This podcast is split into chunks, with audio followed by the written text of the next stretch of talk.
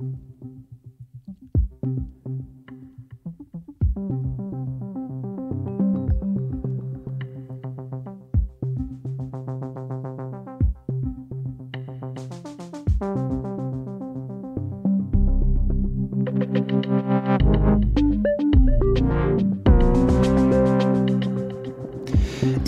Efterlyste jeg et øh, interview med SF om deres nylige forslag om at gøre Mohammed-tegningerne til pensum i folkeskolen. Forslaget her det blev fremlagt forud for partiets landsmøde i Kolding i weekenden. Og for mig så er det her jo øh, et overbevisende eksempel på, og hold nu godt fast, at vi kommer til at få et folketingsvalg sammen med kommunal- og regionsrådsvalget. Det er jo noget, jeg trækker ud af røven. Jeg ved det jo ikke rigtigt. Men jeg tror det nu alligevel, ikke? Fordi det her, det er øh, det perfekte politiske forslag. Det taler lige ned i den danske øh, ytringsfrihedsånd. Øh, det taler også ned i den lidt, øh, hvad kan man sige, måske lidt udlændingeskeptiske holdning, der er mange steder i Danmark. Men det er jo samtidig en gratis omgang, fordi det skal være op til skolerne selv, ifølge SF, at vurdere, om de vil vise tegningerne eller ej. Vi har forsøgt at få et interview i flere dage, men uden held. I går lykkedes det så, fordi vi simpelthen bare selv ringede til Halim Ogys fra SF uden øh, aftale. SF's presseafdeling havde ellers sagt, at de var for trætte til at stille op efter landsmødet, eller for travle til at stille op. Så i går, der ringede vi simpelthen bare direkte til Halim Ogys, og hun bed på. Øh, det er et svært interview, tror jeg, jeg vil sige. Øh, men super fedt, at hun øh, stillede op, øh, og du kan høre det her øh, interview. Øh, det kan du høre om øh, cirka 25 minutter. New Hope Danmark øh, kritiseres af TV Syd og TV2 Danmark for at sælge syge og biske portugisiske gadehunde til danskerne. Og det er voldsomme billeder, man får at se, hvis man ser den dokumentar, der lige nu er aktuel på øh, TV2 Danmarks øh, site TV2 Play. Øh, der er blandt andet en video af en øh, New Hope-hund, der angriber en anden hund i en fodgængerovergang og bider sig fast i den her hunds bagdel og simpelthen bare holder fast i længere tid. Øh, det er decideret hjerteskærende, hvis man er dyreven. I går der talte vi med en øh, tidligere frivillig i øh, foreningen, der rettede en skarp kritik af foreningens bagmand, Silke Sommer. I dag stiller Silke Sommer selv op til interview her på Den Uafhængige og fortæller, hvordan hun ser kritikken. Og så lige om lidt, så varmer vi op til det kommende årsmøde i Dansk Folkeparti, som finder sted i Herning i den kommende weekend. Jeg har selv sådan en svag fornemmelse af, at det ender i det samme, kan jeg vel godt sige, skøre scenarie, som dengang Fremskridspartiet imploderede, øh, der som jo bekendt endte med, at Pia Kærsgaard forlod partiet og dannede Dansk Folkeparti. I kan måske huske det meget legendariske klip, hvor Christian Poulsgaard kalder øh, Christian Thulsen Dahl og Peter Skov for tøsedrengen på scenen. Har du ikke set klippet, så ligger det på DR øh, Bonanza, og det er noget af det sjoveste øh, politiske stof, du kan se på nettet.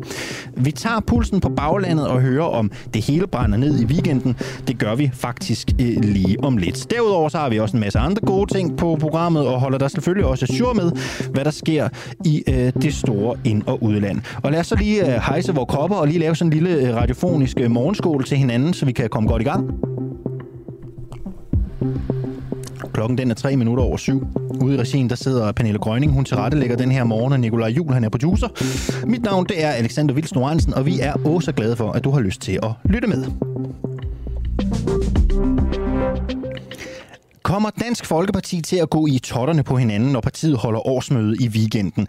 Det er der øh, mange analytikere, der spår. Det er der mange, der har en idé om meget vel kan blive tilfældet. For det tegner til at gå vildt for sig, når partiet i weekenden mødes i Herning. Partiet lider under en øh, kæmpe splittelse, og vi kommer naturligvis til at være til stede med en reporter og dække det, når det går løs. Det siger jeg øh, meget mere om lidt senere. I dag der spørger vi øh, Hernings lokalformand for Dansk Folkeparti, hvordan han tror, det hele kommer til at stimle af. Godmorgen, Jan Jakob Kjærsgaard Mortensen. Godmorgen. Du er formand for, som sagt, Dansk Folkepartis lokalforening i Herning. Hvordan tror du, at årsmødet kommer til at forløbe? Jamen, jeg tror nu egentlig, det kommer til at, at forløbe øh, fredeligt nok, om end der kommer til at være øh, lidt mere øh, spænding og, og eventuelt drama omkring hovedbestyrelsesvalget, end, end der har været tidligere år. Men, men lige frem og og, og forvente et årsmøde af, af fremtidspartiske dimensioner. Det vil, det, jeg vil sige, det vil være at sætte forventningerne måske lidt for højt. Hvad øh, mener du så, når du siger, at det bliver lidt mere øh, dramatisk omkring hovedbestyrelsesvalget? Øh, Prøv at uddybe, hvad, hvad du mener. Nej, men jeg tror, det er det der med, at selvfølgelig, når, der, når, når folk føler, at der er, er meget på spil, fordi at der er folk, der sådan øh, har, har forskellige i holdninger om, hvor de vil tage partiet hen, og så de, de kæmper øh, mod hinanden for de samme øh, bestyrelsesposter. Så det er klart, så er det jo lidt mindre øh, udramatisk, end hvis det er, at det er et normalt årsmøde, hvor det er, at der er, måske kun er det ved jeg ikke, en kandidat mere end, end, end det, vi skal have valgt, og så, så vælger vi det i, i, i, i ro og fordragelighed. Men altså, det er jo, det er jo en del af gamet, øh, så det er egentlig ikke noget, jeg ser som, som noget, der har øh, potentiale til at være, altså blive sådan absurd dramatisk, men, men, men lidt mere end, end det normale. Det, det bliver det nok, sådan er det. Er der splittelse i Dansk Folkeparti? Mm, der er i hvert fald ikke 100% enighed. Altså, det, det, jeg tror, det, det er svært at komme udenom det. Øhm, men, men i mine øjne er det, er det svært at direkte kalde det splittelse, fordi i hvert fald i min opfattelse er det ikke en, en, en direkte konflikt imellem altså partiet og dens politik. Det ved jeg godt, der er nogen, der har snakket lidt om, men, men det er i hvert fald ikke min opfattelse, at der er en generel opfattelse i baglandet af, at politikken er forkert. Så på den måde ser jeg hvad ikke det, en splittelse. Hvad er, det, hvad er det så, der er forkert? Øh, jamen, jeg tror primært, det har man jo kunnet se lidt i medierne, at, at det er nogle individer, der, der har svært ved hinanden lige, lige nu. Øh, og mit håb er selvfølgelig, at okay, så kan de tage den kamp til, til udbestyrelsen. Det er fint. Det, øh, det, det er sådan, det er. Øh, men det vigtigste for mig er egentlig, at vi bagefter øh, årsmødet, eller til årsmødet, til årsmødefesten, ligesom kan drikke en øl sammen, og så øh, suge det ind, som medlemmerne de beslutter til årsmødet, og så må vi ligesom tage den derfra og, øh, og kæmpe sammen til kommunalvalget, uanset hvad det er, ja. øh, medlemmerne de vælger. Du er vel også delegeret og kan stemme til årsmødet og til hovedbestyrelsen. Hvem stemmer du selv på? Øh, altså, jeg ved, at jeg kommer til at stemme på Anders Vistesen, men min anden stemme, vi har jo to, vi skal vælge tre, øh, den har jeg ikke afgjort øh, med mig selv endnu. Nej, hvad hælder du til? Øh, jamen, jeg ved det ikke, fordi der er kommet så mange nye kandidater her øh, på det seneste. Jeg synes, det vil være lidt synd. Hvad med Martin Henriksen? Og, Kunne han få din stemme? Mm, nok ikke, men det, det er primært, fordi han ønsker at tage, tage partiet mest til højre, og, og det er bare helt personligt øh, uenig i. Jeg mener, at, at der, hvor vi står i dag, det er fint. Øhm, så, så, så en højre drejning af partiets udlændingepolitik er i hvert fald på et personligt plan ikke det, jeg mener, der er den rigtige vej. Hvis det er det, vi ender med at gøre, så respekterer jeg det. Så respekterer jeg, at der er flertal i, i partiet, der ønsker det. Øh, og så kommer jeg stadigvæk til at kæmpe for Dansk Folkeparti på trods af det. Men, men på det personlige plan, så tror jeg ikke, at det, det, det er den vej, vi skal. Nej. Hvad siger folk, du taler med? Øh, du er selvfølgelig selv øh, lokalformand øh, for Lokalforeningen i Herning, øh, men du har jo også et bredt netværk i Dansk Folkeparti. Hvad er så den baglandets holdning til Martin Henriksen og hans udmeldinger her forud for, for øh, årsmødet? Øh, Henriksen har jo selv sagt, at øh, det måske begynder at se lidt svært ud. Hvad, øh, hvad siger man i baglandet? Hvordan, hvad lyder det på vandrørene? Oh, jamen, jeg, jeg ved det ikke helt, øh, skal jeg være ærlig at sige, fordi at jeg tror, altså, der er nogen, der støtter hans linje, og der er nogen, der ikke gør. Øhm, og ja, altså, altså jeg, jeg skal være ærlig at sige, at jeg tror egentlig, at Martin bliver genvalgt. Øh, det tror jeg, han har en udmærket chance for. Hvad baserer du det på? Han er meget altså sådan, hvad, hvad, hvad? Øh, jamen, for det første, fordi han er meget i medierne, så får man da sit navn ud, så altså, det hjælper ham sikkert også. Øh, og, og så tror jeg også, der er øh, en gruppe i, i partiet, der, der, der mener, at vi skal mere til højre, og fred være med det. Øh, det skal de have lov til at mene. Øh, det er der ikke noget galt i.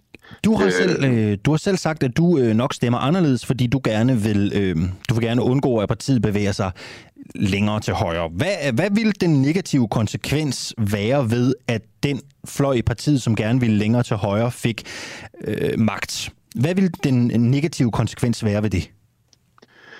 Øh, det ved jeg ikke, men, men, men helt grundlæggende i mine øjne, er det, er det, altså når det er, jeg ikke støtter, at vi, vi går mere til højre, så er det fordi, at jeg mener, at, at det er baseret på en fejlanalyse, øh, fejlanalyse. Man har kigget på, på det, der sker i DF, og så har man vurderet, okay, vi skal mere til højre, fordi at der er partier venstre for os, der har i hvert fald verbalt, fået en strammere udlændingepolitik, men de ikke rigtig lever op til det, når det er, de er nede i folketingssalen og skal stemme.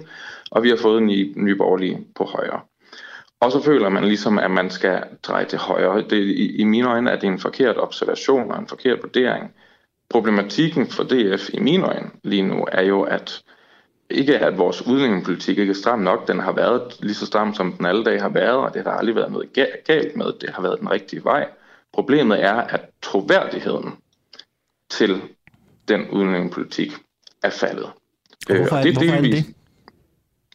Jeg tror, det, det, det er både faktorer, vi er selv i kontrol over, og nogle, vi ikke er. Øhm, der har både været det, at der er flere om fadet, så lige pludselig er der flere, der byder sig til, øh, og så bliver vælgerne mere i tvivl om, hvad de skal vælge. Det, det er så tror jeg også, der... Hvad er det, hvad er det, hvad, hvor er det, I selv er skyld i det? Jeg tror, at der har, der har været opbygget den her, jeg vil nok kalde det lidt en, en, en illusion skabt i bagklogskabens lys om, at at vi ikke fik nok ud af vores mandater øh, dengang øh, efter det gode valg i 2015. Fordi når jeg snakker med folk, så siger de, at, at hvis vi, vi tog ikke ansvar, vi er ikke i regering, eller vi fik ikke nok igennem, selvom vi fik så mange mandater. Men det er jo, det er jo, det er jo set i bagklogskabens lys, så bliver man jo hurtigt meget klog og, og glemmer alle mulige detaljer. Fordi jeg tror personligt, jeg mener, at det var den rigtige beslutning ikke at gå i regering, regering dengang. Fordi havde vi gået i regering, så havde vi i stedet for bare haft en masse mennesker, der havde sagt, at vi solgte ud for ministerbiler og ministerpension, og fik ikke noget igennem i regeringen, og det var også for dårligt af os. Altså, slutresultatet tror jeg egentlig havde været det samme, og så havde årsagen til, at folk var utilfredse, egentlig bare været en anden.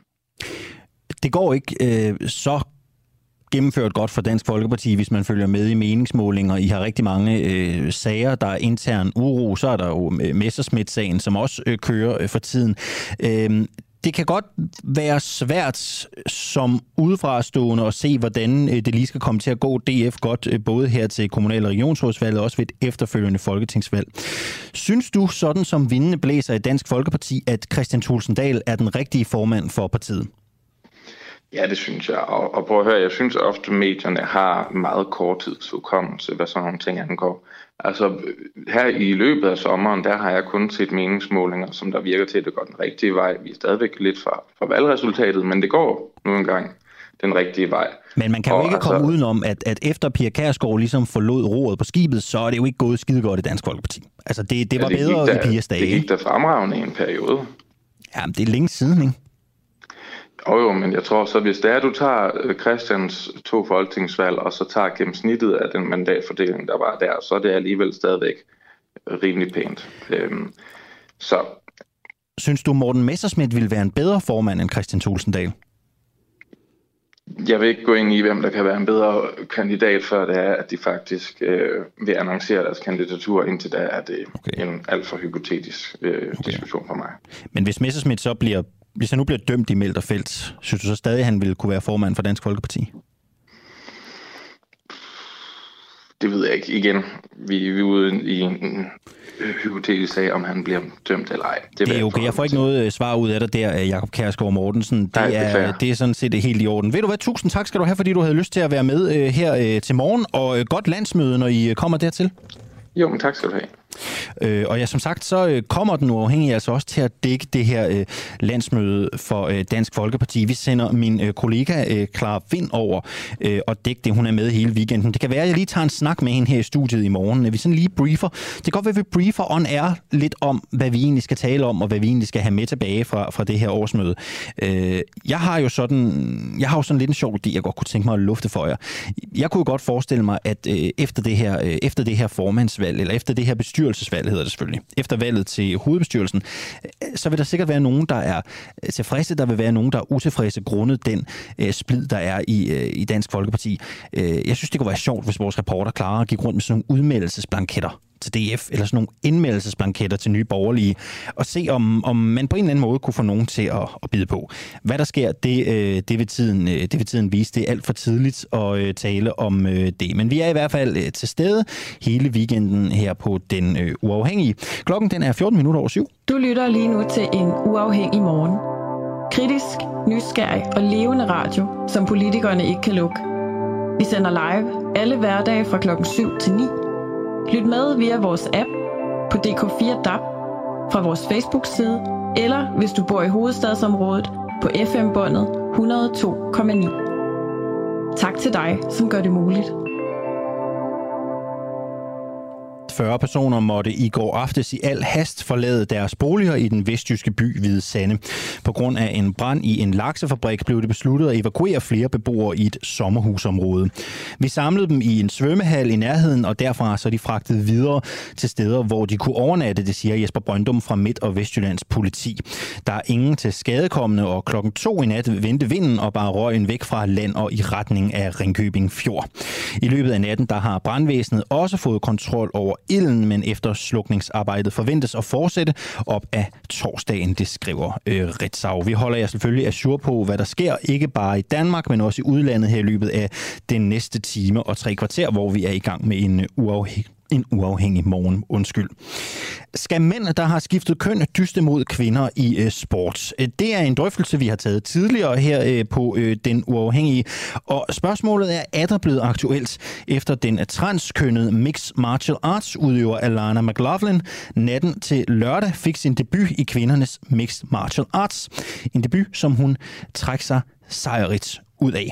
Øh, godmorgen og velkommen til dig, Anne Elmose. Godmorgen. Du er tidligere professionel mixed martial arts kæmper. Ved du hvad, vi starter lige et andet sted, for jeg tror sgu, der er mange af vores lyttere, der ikke ved, hvad mixed martial arts er. Kan du ikke prøve at fortælle os, hvad det går ud på? Jo, men uh, mixed martial arts, uh, det er i al sin enkelhed uh, alle kampsportsgrene, som er blandet sammen til et regelsæt. Så man, man, man, man kan nogle gange i, i daglig tale sige, at i MMA er der ikke nogen regler. Men det er der selvfølgelig. Men øh, som udgangspunkt, så, så må du det hele. Altså det vil sige, du må udøve alle teknikkerne fra de andre kampsportsgrene. Slag, spark, stranguleringer, chokes, øh, kast øh, osv. Så, så det, det er, øh, hvor at øh, mange kender øh, MMA, det er også øh, UFC, som er den store organisation. Så det der, de fleste kender den her sportsgren fra.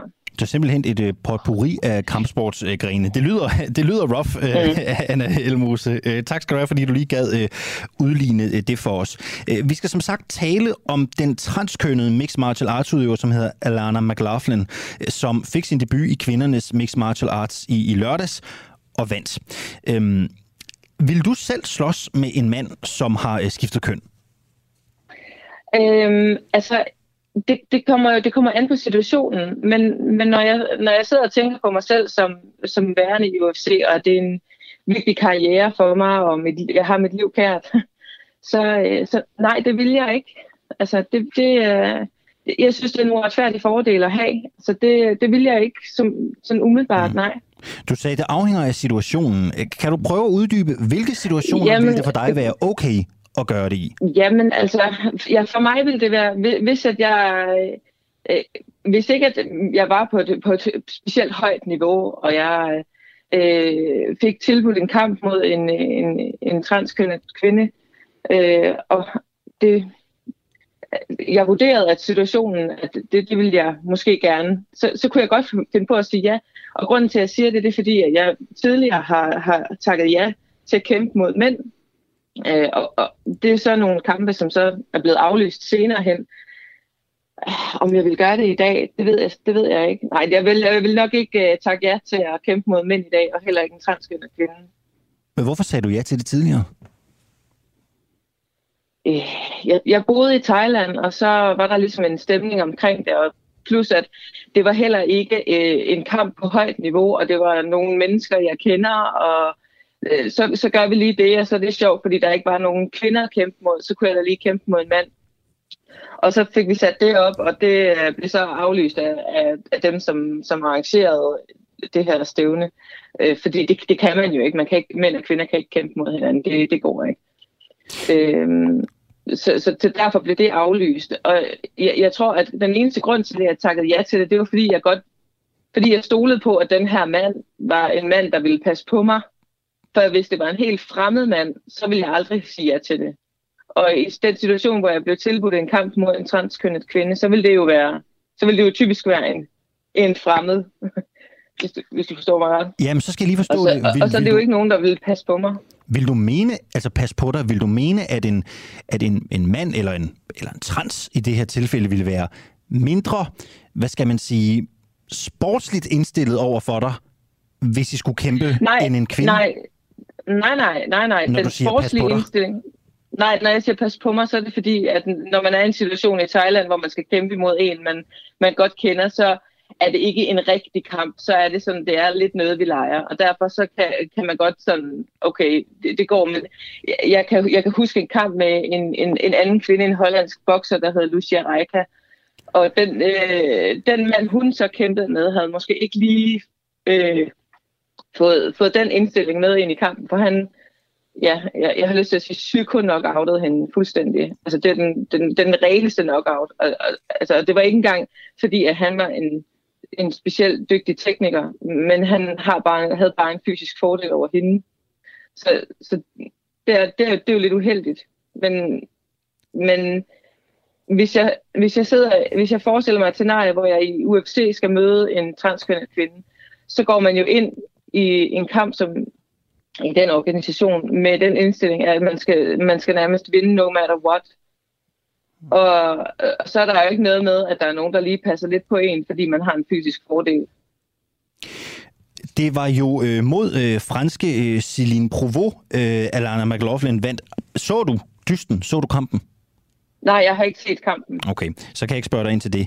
Øhm, men jeg kunne godt tænke mig at høre din vurdering af, vil en mand eller en trans partout altid vinde i en kamp mod en kvinde? Altså, vil, vil, det, vil det altid ske?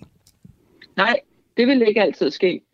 Det vil ikke altid ske. Der er selvfølgelig øh, også en faktor, der hedder øh, teknisk kunde, og så er der selvfølgelig også øh, øh, øh, det, at, at, at der, der er jo et, et, et, en, en, en generel krops øh, eller hvad man skal sige, som man kan tale ud fra.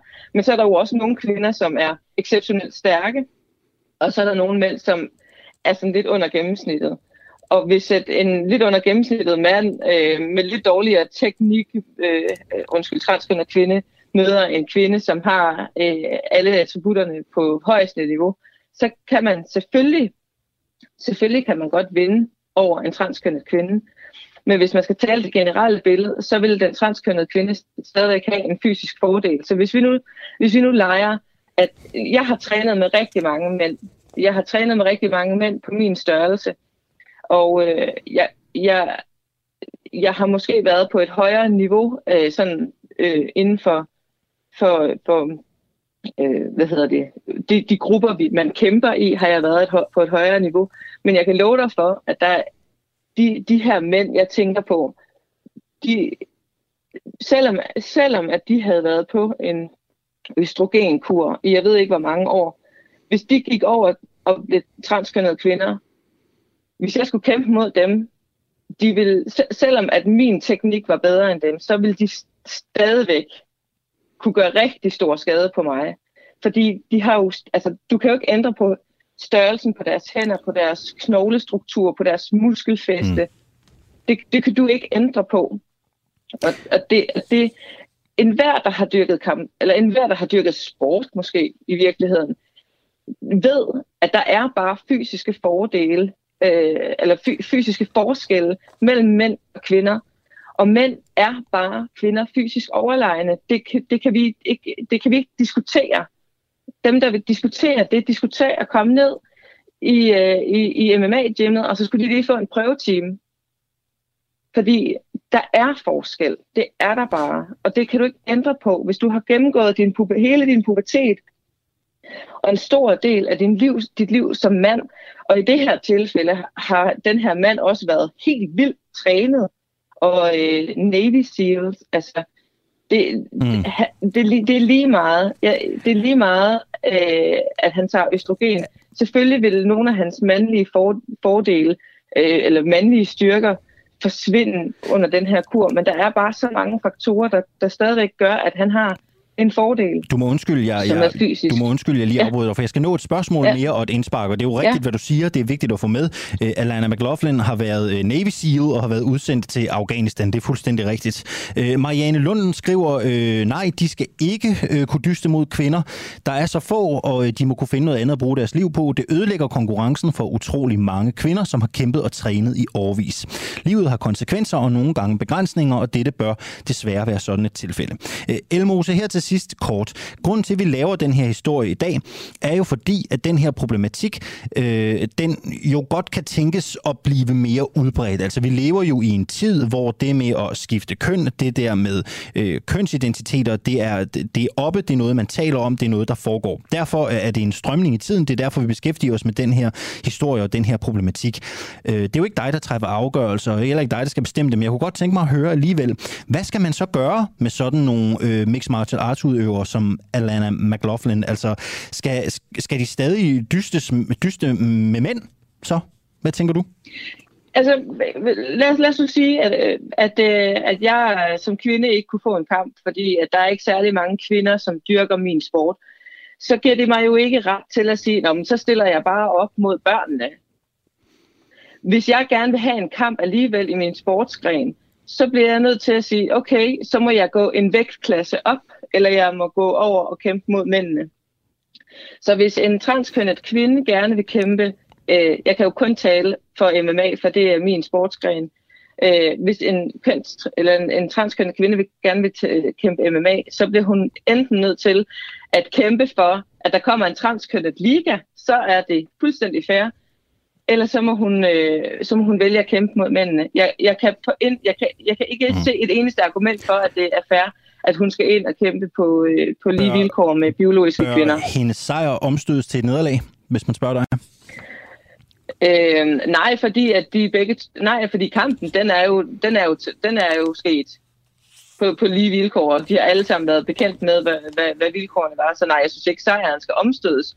Jeg, jeg mener bare ikke, at der skal være risiko for, at øh, kvinder i fremtiden kan, kan risikere at kæmpe hele deres liv for at komme ind i UFC, og så skal man, og så skal man kæmpe mod, øh, mod øh, modstandere, som tidligere har været mænd.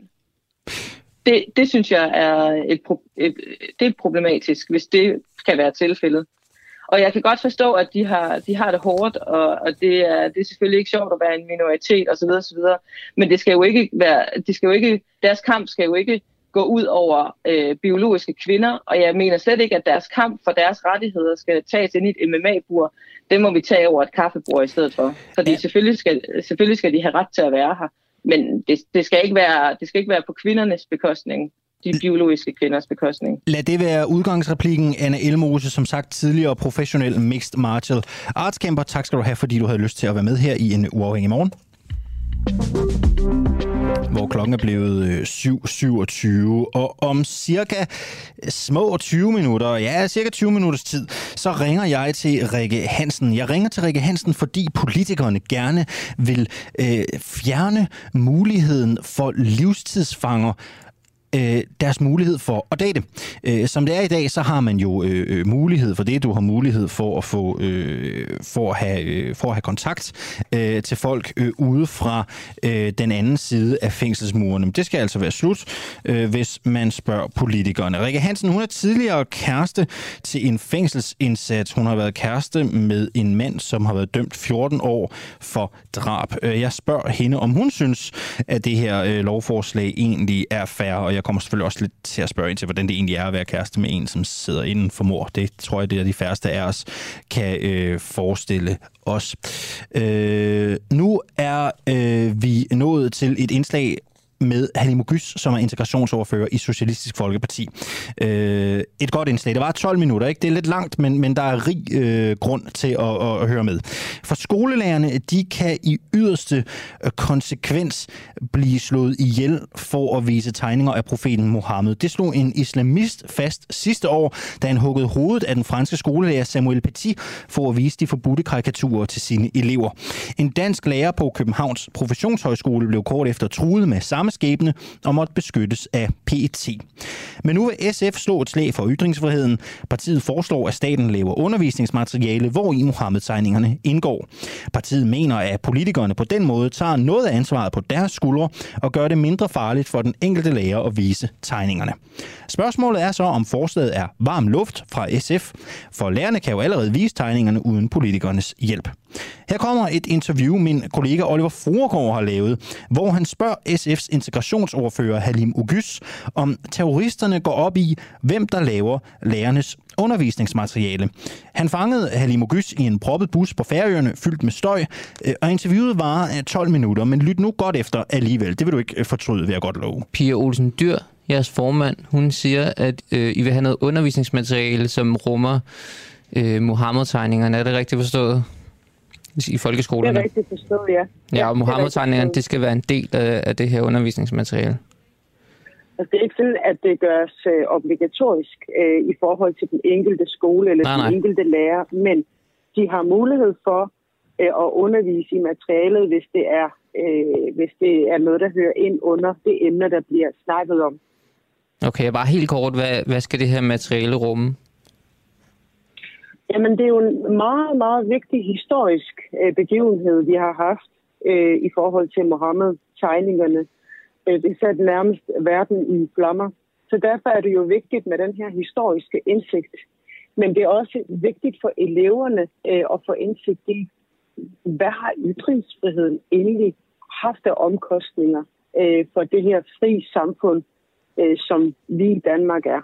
Mm, så bare Øh, så det er jo, altså, altså kort. ligesom for eksempel, man underviser i holocaust, øh, man underviser i alle mulige andre historiske ting, så det her er også bare en fuldstændig naturlig del af den historiske begivenhed, vi har haft øh, i Danmark. Mm. Så helt konkret, så skal det være et billede af Mohammed-tegningerne. Skal det være en del af, af materialet? Altså helt konkret, hvordan materialet skal være, øh, kan jeg ikke rigtig udtale mig om. Det må være øh, op til de forskellige øh, skoler at vurdere. Men det, der er vigtigt... Men er det ikke jer, der vil det er- udarbejde materialet, så skolen... Det er jo det, I siger. I vil udarbejde det her materiale, sådan, så skolerne har Det noget at læne sig op af, så det ikke kun er lærerens ansvar. Så er det ikke jer, der vil udarbejde så materiale? under- Det er så undervisningsministeriet, Mm. der skal udarbejde sammen med Folketingets øvrige øh, partier.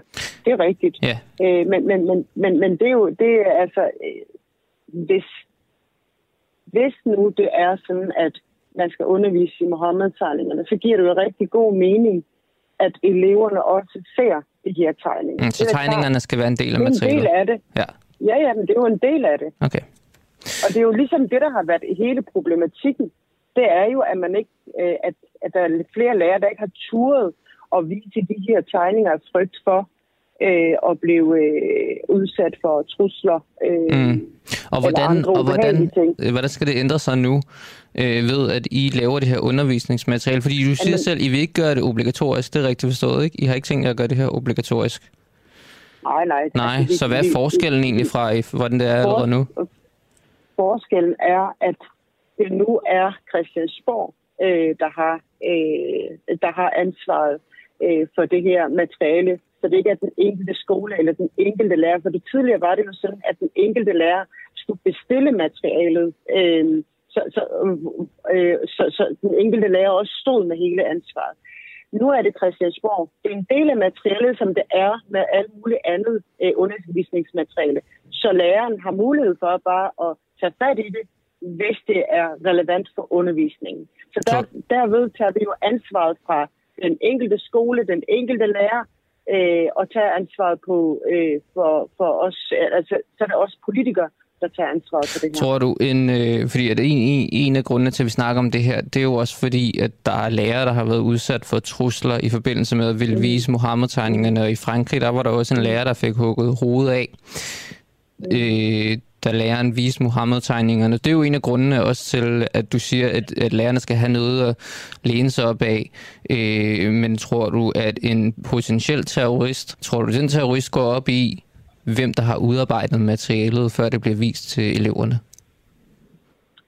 Det jeg bare kan sige, det er, at der altid, det er altid vigtigt, at vi værner om vores frihedsrettigheder. Det er altid vigtigt, at vi værner om den ytringsfrihed, som øh, generationer før os har tilkæmpet.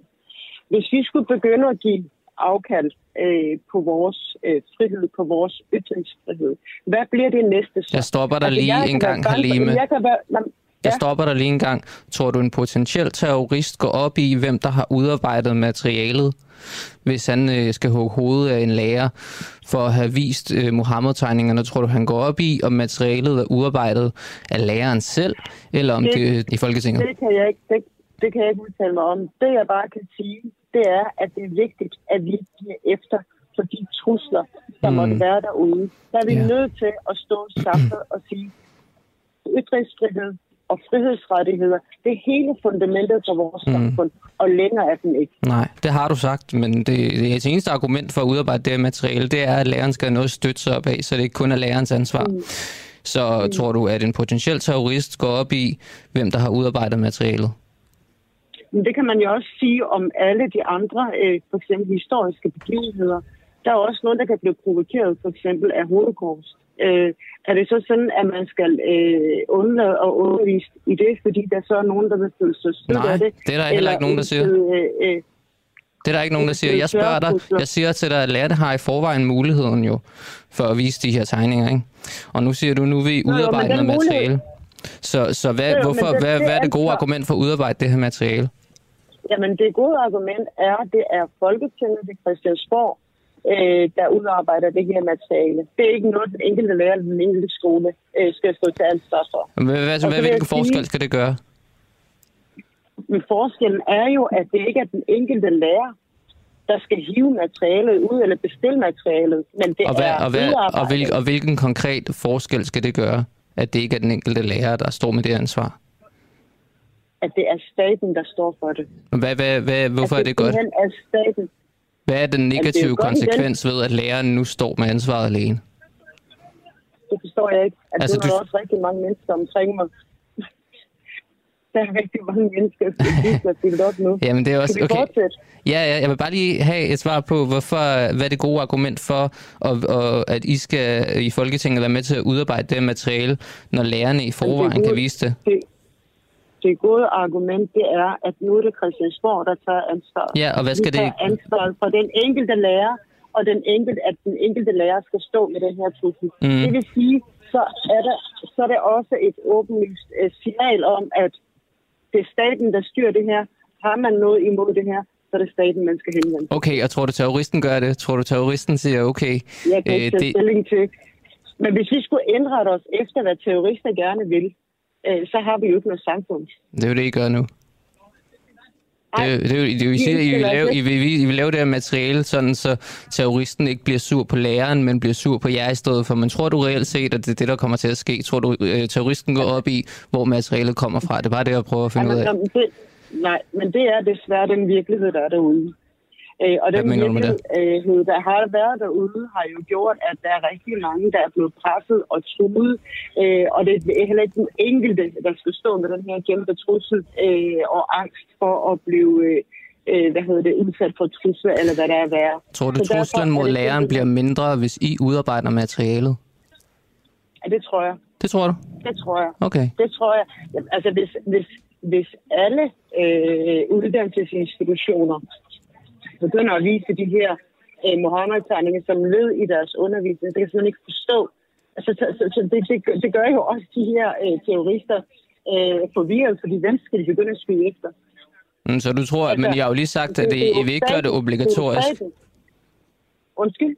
I siger jo, at I ikke vil gøre det obligatorisk, så, så, men du regner med, at alle uddannelsesinstitutioner kommer til at vise det her, hvis I laver det her materiale? Den mulighed er der. Nej, men den mulighed er der. Altså, Øh, det skal ikke være obligatorisk. Vi der ikke nej, nej. Øh, skoler og, og, og undervise i noget bestemt. Men det her, det har været en aktuel debat. Nej, men nu er præmissen øh, for dit argument, at hvis alle skoler viser det her, så kommer, så ja. kommer terroristerne ikke til at vide, hvem de skal gå efter. Men alle, alle skoler kommer ikke nødvendigvis til at vise det, bare fordi I laver materialet. Nu kan jeg øh, ikke... Jeg forstod ikke dit sidste spørgsmål. Okay, men så lad os bare gå tilbage til det her med, at du siger, at så du regner med, at uh, terroristerne de ikke kommer til at de kommer til at gå mindre efter lærerne, hvis I har udarbejdet materialet, fordi så har I også en del af ansvaret. Kan du prøve at fortælle mm. mig, hvordan det kommer til at foregå helt? Altså hvis vi nu uh, forestiller os en terrorist her, og han uh, hans, øh, han kender til en klasse, hvor den lærer har vist øh, Mohammed-tegningerne. Tror du så, han sætter sådan og tænker, hmm, kan vide, hvem der har udarbejdet de her tegninger? Og tror du ikke bare, han tænker, lad os hugge hovedet af den lærer? Vi er nødt til at være lidt mere principielle. Altså nu får du simpelthen debatten ned på et niveau, hvor jeg sådan ikke rigtig kan følge med længere. Mm. Altså vi er nødt til at være principielle øh, i forhold til, hvad der er for et samfund, vi er. Og vi er et samfund, der er bygget på frihedsrettigheder og ytringsfrihed og undervisningsfrihed.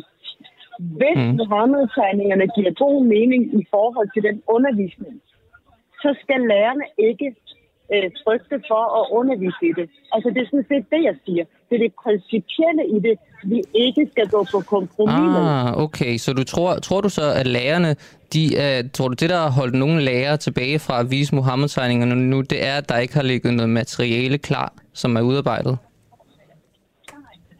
Den forstod jeg ikke. Altså, du, du siger, at de skal gøre det lettere for lærerne at vise det her materiale og sådan noget der.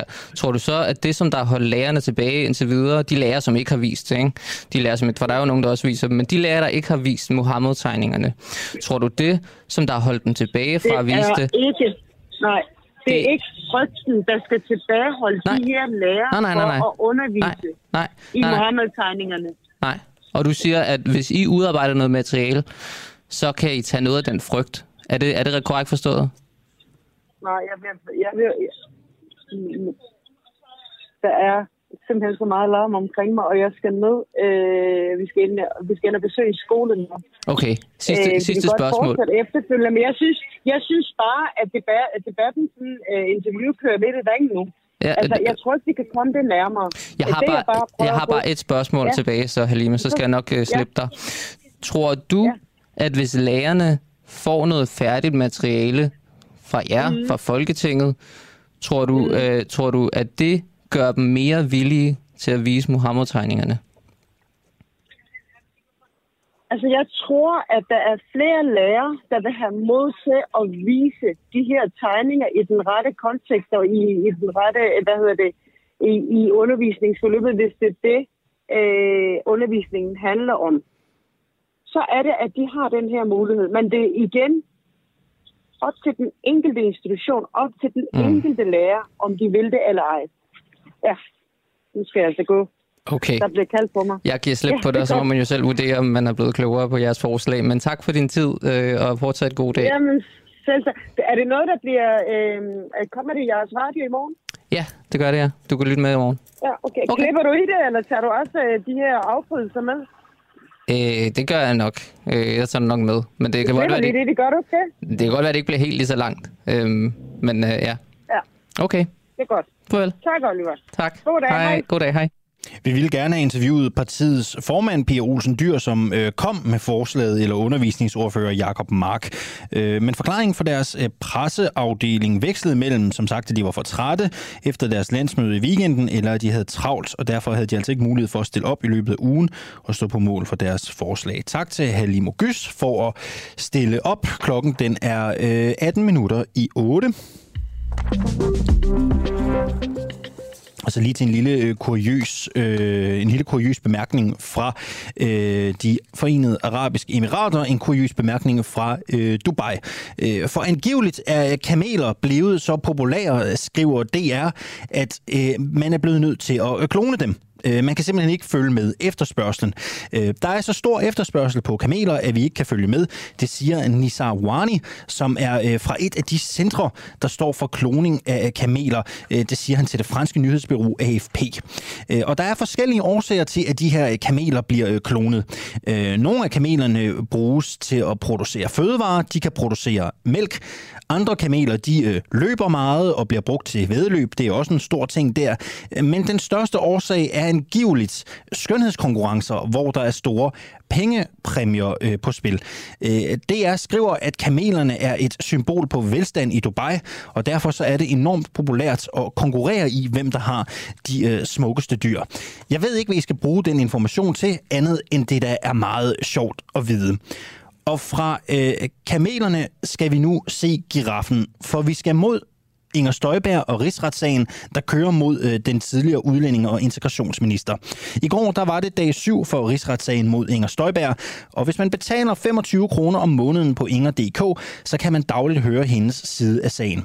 Øh, vi har valgt at spytte 25 kroner efter øh, Inger Støjbergs øh, hjemmeside her, og øh, lige om lidt, så taler jeg med Ulrik Dalin. Vi taler jo med, med Ulrik Dalin eller Anton Geist for Information øh, sådan øh, dagligt her på Den Uafhængige, for at blive lidt klogere på, hvad det egentlig er, der sker i øh, rigsretssagen. Vi øh, ringer til Ulrik Dalin om lidt. Men først så skal I lige høre et klip fra Inger.dk i går. For i sin video i går aftes, der fremhæver Inger Støjberg afvisningen af Ayan Hirsi Ali som vidne. Og også afhøringen af den tidligere afdelingschef i udlændingeafdelingen i Inger Støjbergs tidligere ministerium, Lykke Sørensen. Prøv lige at lytte med her. Dag 7 i øh, rigsretssagen begyndte jo, øh, som vi godt vidste med, at der skulle afsiges kendelse om, hvorvidt Ayan Hirsi Ali kunne blive indkaldt som øh, vidne eller ej. Og det gik desværre ikke vores vej. Men, men sådan er det. Og, og jeg respekterer selvfølgelig rigsrettens kendelse på det her område. Det er jo ingen hemmelighed, at jeg gerne ville have haft, at Ayan Hirsi Ali kom ind som vidne.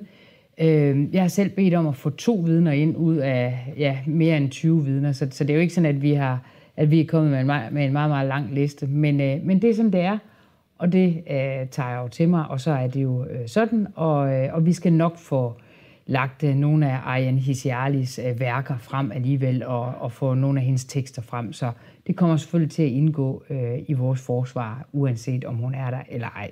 Og så øh, var det ellers øh, den tidligere øh, afdelingschef i øh, udlændingeafdelingen i øh, mit øh, tidligere ministerie, øh, Tur Lykke Sørensen. Men øh, Lykke Sørensen, hun blev selvfølgelig spurgt ind til altså jo også hele hendes ageren i, øh, i den her sag. Og det jeg tog med mig fra Lykke Sørensens øh, afhøring, det var først og fremmest, at hun meget tydeligt, og af flere omgange, der bekræftede hun, at jeg selvfølgelig ønskede en så restriktiv linje som overhovedet muligt, når det handlede om øh, de her barnebrud. Jeg ønskede så mange som overhovedet muligt adskilt, men også at jeg generelt stod for en meget stram øh, udlændingepolitik, og det har hun jo fuldstændig ret i, og det lader jeg gerne stå på mål for os den dag i dag. Men det Lykke Sørensen også sagde, det var, at øh, jeg jo også godt var klar over, at der var en øh, kant, det var jo ikke en kant, jeg altid var glad for, fordi det var tit de, øh, de internationale konventioner, der stod i vejen for, for nogle ting. Og det er jo selvfølgelig derfor, at vi også diskuterede de her ting voldsomt over i ministeriet, øh, om hvor går kanten, og hvor langt kan man gå. Men det mener jeg jo også netop er en politikers øh, opgave at gøre. Og det synes jeg egentlig, Lykke Sørensen meget fint øh, sagde i dag, at, øh, at sådan er det jo øh, Øh, og at der også er den her kant, men at der også i ministeriet netop var en fri tone, hvor hun også som embedsmand kunne sige nogle ting, og jeg selvfølgelig som politiker var, var meget tydelig om, hvor jeg ville hen. Og så anså hun det ellers som sin opgave at prøve at, at hjælpe mig jo afsted med, med de øh, politiske ønsker, jeg havde, så godt som hun overhovedet kunne, men jo også, at, at hun jo havde en opgave i ligesom at, at få jorden til at, at holde. Godmorgen, øh, Ulrik Dalin. Godmorgen. Igen, journalist på Information, og så følger du også rigsretssagen tæt. Lad os bare springe ud i det, Dalin. Hvorfor er det så vigtigt? Altså, Støjberg vil så gerne bruge Ayan Hirsi Ali. Det får hun så ikke lov til direkte. Altså, hun har jo ikke haft nogen... Hun har været så langt væk fra Støjberg, mens det her har fungeret. Hvordan er det, Støjberg vil bruge Ayan Hirsi Ali? Altså det, som øh, hun har sagt, og som hendes øh, forsvar har sagt, det er, at øh, Ayan Hirsi lige kunne give et, øh, et meget grundigt indblik i, hvordan der kan være kulturel tvang i muslimske familier. Øh, at øh, hun ved alt om børneægteskaber, og så har hun ifølge Inger Støjbergs forsvar, så har hun været en stor inspirationskilde for Inger Støjberg. Det er ved at have mødt hende og også læst øh, hendes bøger, Øh, at Inger Støjberg er blevet klar over, at det er meget, meget vigtigt, at man skal gribe ind over for barnebruget. Øh, men der er intet overraskende i, at rigsretten afviser, at hun skal vidne, fordi, som du selv lige er inde på, hun har ikke været involveret i forløbet, og hun kan ikke bidrage med oplysninger om, hvad der er sket. Der var kun en af de 26 dommere, som øh, støttede, at Ayan Hirsi Ali skulle skulle øh, øh, føres som vidne. Øh, man ved ikke hvem. Øh, det oplyses ikke. Men, hvad var argumentet, ved man det? Altså, hvad mente, hvorfor mente dommeren, øh, at det var relevant? Får man det at vide? Fordi man ikke kunne af... Eller, altså, det var det samme argument, som øh, Nikolaj Mallet, altså en af Inger Støjbergs forsvar, havde sagt. Nemlig, man kunne ikke afvise, at det kunne, man kunne ikke på forhånd afvise, at det ville være relevant. Men som sagt, var det efter min mening på ingen måde overraskende, at et meget, meget stort flertal af rigsretsdommerne afviste det. Støjberg siger... Det var også det, jeg sådan set havde forudsagt her i radioen. Ja, lige præcis. Det sagde du nemlig. Ja. Det har du sagt i går, ja. det har du også sagt tidligere. Støjberg siger også, at vi kommer til at fremlægge hendes tekster i vores forsvar. Hvad er det for tekster? Kan, kan, kan man gisne om det? Ja, hun skrev en bog i, altså Ayan Hirsi lige skrev en bog i 2010, og det kan jo tænkes, at man i forbindelse med proceduren, altså når forsvarerne skal forklare rigsretten, hvorfor at Inger Støjberg skal frikendes, at de så vil henvise til, hvad vil jeg, citater fra den bog eller, eller lignende. Øh, det kan også være, at de udarbejder altså en ekstrakt med forskellige tekster, som de så vedlægger til sagen, så kan dommerne jo orientere sig deri. Det, det, det ved jeg ikke nærmere, hvad der ligger i det. Øh, lad os også lige vende øh, øh, afdelingschefen i udlændingeafdelingen, øh, Lykke Sørensen. Øh, hun var også på plakaten i ja. går. Hvad var det mest væsentlige omkring Lykke Sørensen i går? Hvad bed du særligt øh, mærke i, hvis noget overhovedet? Jo, jeg bed mærke i, i en, noget lidt andet end det, som Inger Støjberg siger i det klip, I lige har spillet. Altså, der er jo et, øh, et notat, som øh, vil være en hjørnesten i Inger Støjbergs forsvars øh, arbejde. Det er et notat, som øh, åbner for, at der kunne være unge asylpar, som ikke skulle adskilles. Og det notat har Inger Støjberg godkendt den 9. februar. Men som lytterne måske er bekendt, så allerede dagen efter, så bliver der udsendt en pressemeddelelse, som lægger op til, at der ikke skal være undtagelser. Det her notat har også haft den mærkelige skæbne, at det først dukkede op i instrukskommissionen. Det er ikke omtalt i under nogle af samråden, det er ikke omtalt i svarene fra ministeriet til ombudsmanden, det er ikke omtalt i de mange, mange, mange folketingssvar, som Inger Støjberg har skrevet under. Men nu kalder Inger Støjberg altså det her notat for helt centralt, og hun siger, at det var grundrammen, og det var omdrejningspunktet for det hele, selvom det altså ikke var nævnt. Og det, som man nok især hæftede sig ved med Lykke Sørensens forklaring i går, det var, at øh, hun havde ingen erindring om det her notat. Altså, hun afviste, at, øh, at det havde spillet nogen som helst rolle. Øh, og hun har som afdelingschef for den juridiske afdeling i Inger Støjbergs ministerium, hun har været ind over så godt som alle svar, alle samrådstaler, alle svar til folket. Så hvor stiller det Støjberg?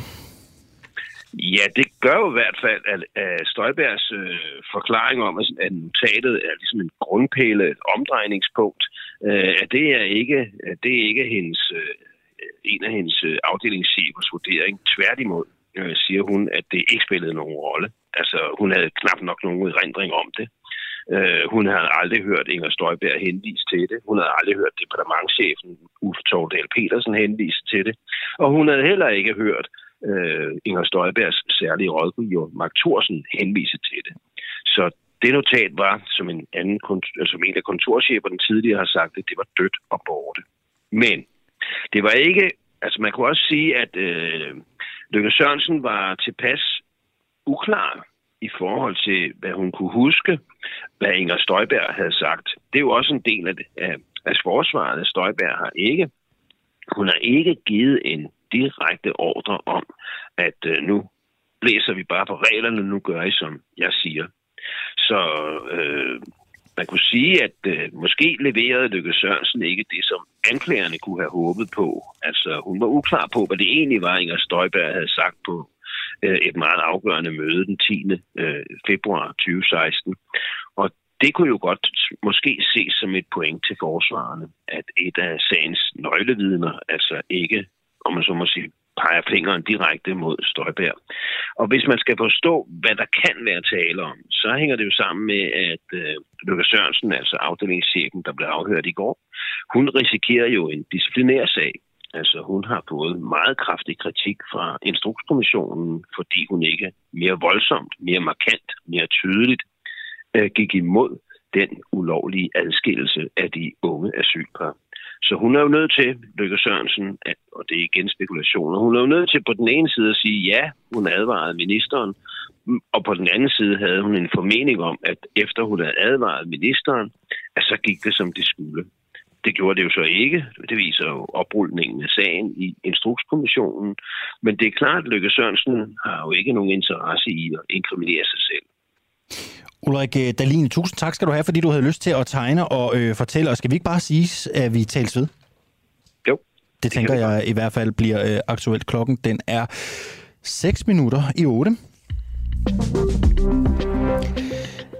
Om øh, cirka øh, 40 minutters tid, så stiller vi spørgsmålet, om der er etnisk krig i Danmark. Det kunne noget måske tyde på, i hvert fald, hvis man kigger til Fyn. Fordi der er en konflikt, der spidser til i Voldsmose-ghettoen i øh, Odense. Ifølge en, der kender rigtig meget til de her miljøer, så drejer det sig om arabere og somalier, som bekriger hinanden. Det handler om ære, det handler om familiefejder, det handler om narkomarkedet. Øh, vi tager her på en uafhængig morgen jer med ind i et miljø, de færreste af os kender. Det bliver klokken cirka 8.20, når vi ringer til Bjarke Vestesen. Han er kriminalredaktør på Fyns Stifttidene. Og vi bliver lidt i øh, det kriminelle miljø, for øh, regeringen mener, at livstidsdømte ikke længere skal have lov til at date. De foreslår, at de kun må have kontakt med personer, som de kendte, før de blev indsat. Vores fængsler skal ikke være en datingcentral, sådan lyder det fra justitsminister Nick Hækkerup. Godmorgen, øh, Rikke Hansen. Godmorgen. Du er administrator i Facebook-gruppen Date en Indsat, og du har også selv datet en mand, som har været idømt 14 år for mor. Øhm, hvad synes du om det her forslag? Jeg synes, det er grotesk. Altså, vi skal jo stadig huske på, det er mennesker, vi har med at gøre. Øhm, vi har at gøre med nogen, som har lavet en kæmpe brøler i deres liv, men øh, de har taget deres straf og afsoner deres dom. Men folk, der er, øh, folk, der er livstidsdømte, har jo typisk begået meget alvorlig kriminalitet. Ikke? Vi, er ude i, øh, vi er ude i noget, der er, der er meget alvorligt. Øh, mange af dem er, er, er, er dømte for, for drab. Kan du ikke godt forstå, at det kan krænke nogle af øh, offrene til, øh, til, til nogle af de ofre, nogle af pårørende, undskyld, til offrene, at det kan jeg sagtens. deres det kan, jeg sagtens kan sidde og date i fængslet? Jo, jeg kan sagtens forstå det. Øhm, og øh, nu vil jeg sige, øh, lige i min gruppe, øh, der er de indsatte, som er medlem af min gruppe, øh, og det er også øh, livstidsdømte, det er ikke, de sidder ikke og praler af, hvad de har lavet. Øh, de søger noget bekendtskab, øh, både på telefonbrev og besøg. Øh, så jeg vil ikke sige, at de, de sidder og praler af, hvad de har lavet. Men selvfølgelig skal man tænke på de pårørende. Øh, de skal jo ikke have adgang til BT, Ekstrablad og sådan nogle ting, men stadigvæk, det er mennesker, vi har med at gøre, og de har følelser. Men kan du godt forstå det argument, at nogen måtte sidde og tænke, ved du hvad, øh, de kan få lov til at sidde derinde, og så kan de hygge sig på egen hånd. De skal sgu ikke have lov til at øh, have omgang med nogen udefra. Nej, det kan jeg ikke, fordi at øh, lige meget hvordan du vender og drejer det, så øh, har alle mennesker brug for øh, omsorg på, på den ene eller anden måde. Og vi skal også tænke på, at der er nogle indsatte, som ikke har noget familie, øh, eller noget, der kommer og besøger dem. Og jeg vil næsten gætte på, hvis du spørger en psykolog, øh, de bliver lukket ud på et tidspunkt, og hvis du lukker nogen ud, som ikke har haft noget med andre at gøre øh, i alle de år, de har siddet, så er det nok større øh, sandsynlighed for, at de begår noget igen, fordi at øh, Hvor de ikke rigtig ved, hvordan... Jamen, det er ikke noget, jeg ved noget af. Det er bare noget, øh, jeg synes, det er fornuftigt. Altså, hvis du havde været lukket inde i 16-17 år og ikke har haft noget kontakt med andet end fængselsbetjentene, øh, og du bliver lukket ud øh, til de helt almindelige mennesker igen, hvordan vil du gå hen og have en samtale? Altså, den eneste måde, du har at henvende dig på, det er, som du havde det dengang. Det er, hvad jeg tænker. Altså, det er mit personlige... Øh, jeg har ikke erfaring med det, øh, men jeg har heller ikke hørt om nogen endnu, som ikke øh, har haft lov til at få besøg. Øh, kunne du selv finde på at date en livstidsdømt? Det kunne jeg godt, ja. Men jeg har øh, et princip, der hedder, øh, hvis det er kvinder og børn, så holder jeg mig væk. Mm. Øhm, fordi det er ikke acceptabelt, og det er det generelt heller ikke i fængslerne. Vil du, foretrække, øhm, vil du egentlig foretrække at date en indsat frem for en, øh, som, som gik rundt herude helt almindeligt?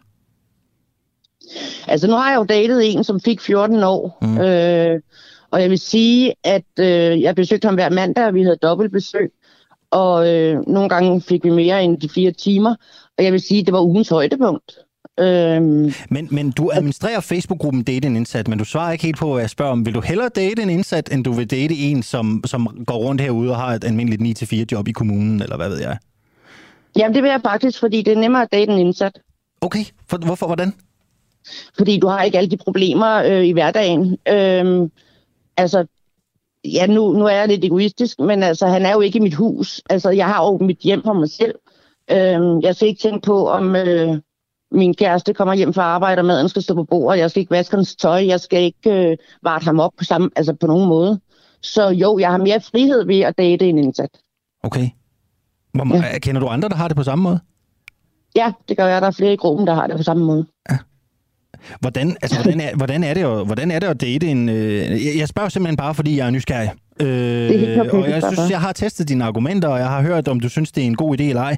Øh, hvordan er det at date en, øh, en mordømt?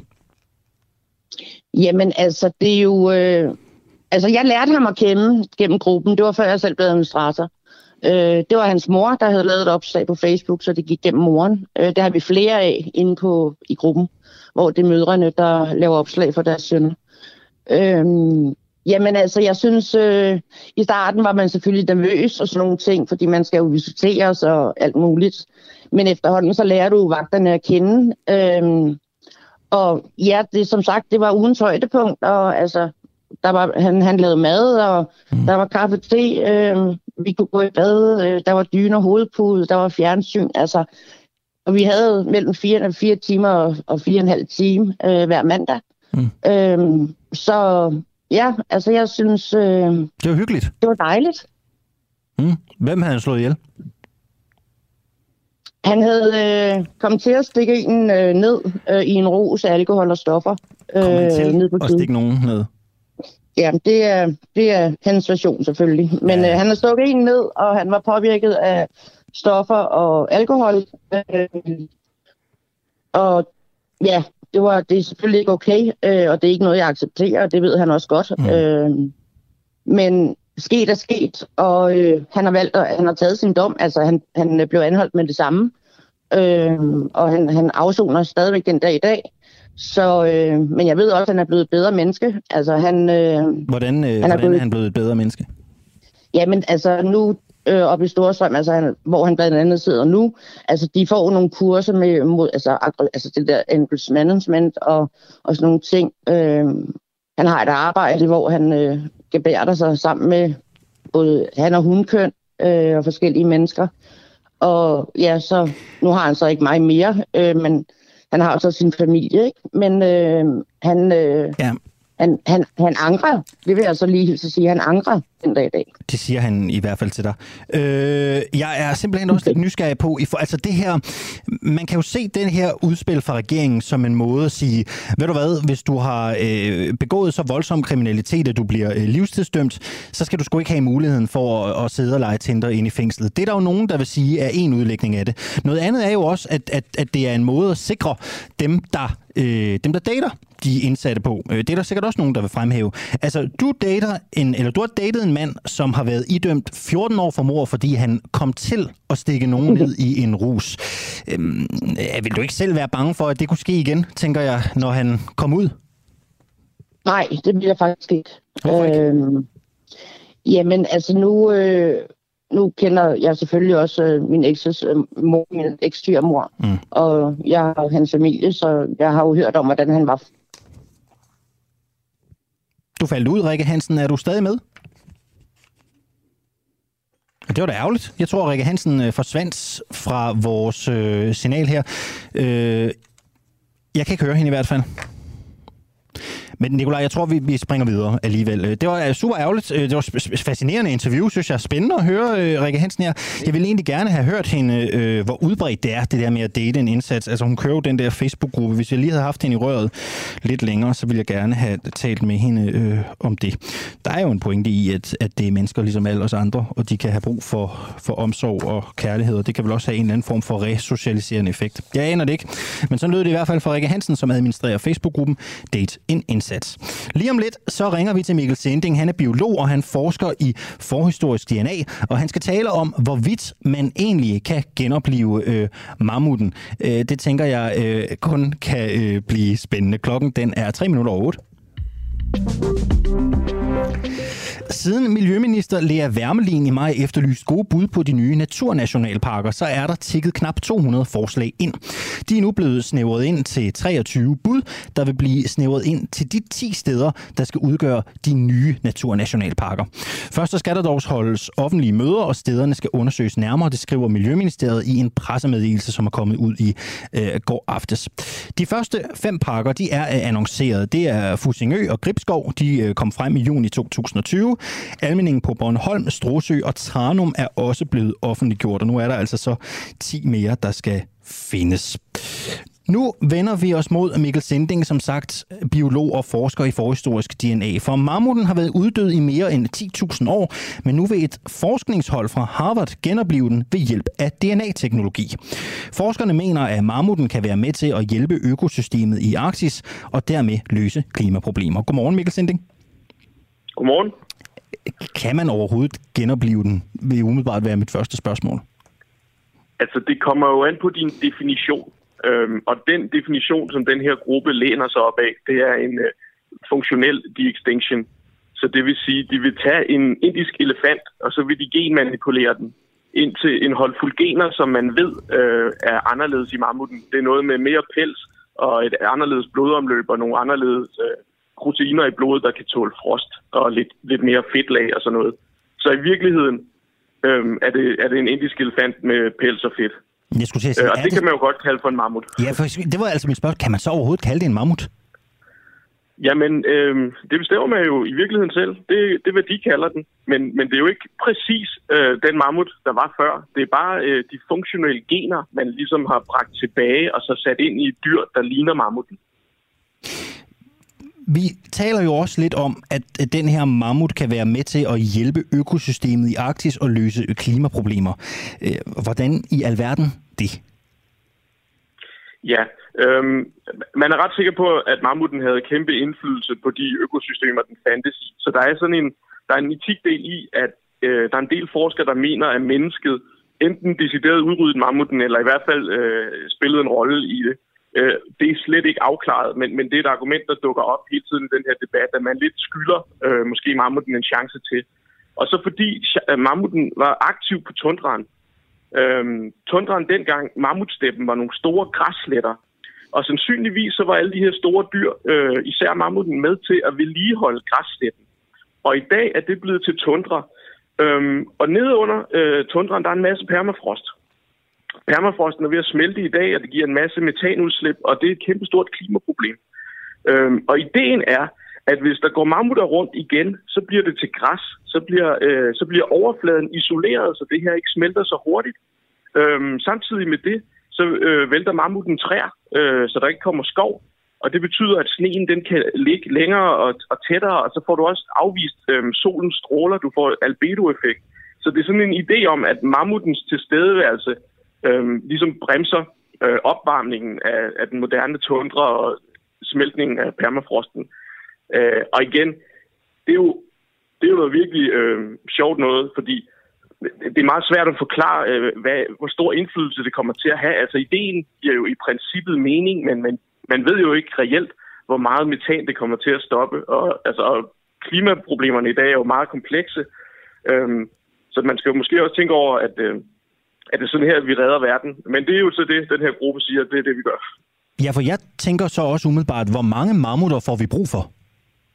Det er et rigtig godt spørgsmål. Øhm, og det er der heller ikke nogen, der har svaret på. Øh, for det tager jo lang tid at lave en mammut. Nu, nu er de jo i gang med at manipulere nogle stamceller, og så skal de have født nogle små, øh, lidt ullede øh, indiske elefanter, hvis det virker. Øhm, men det tager jo også tid. En elefant er gravid i 22 måneder.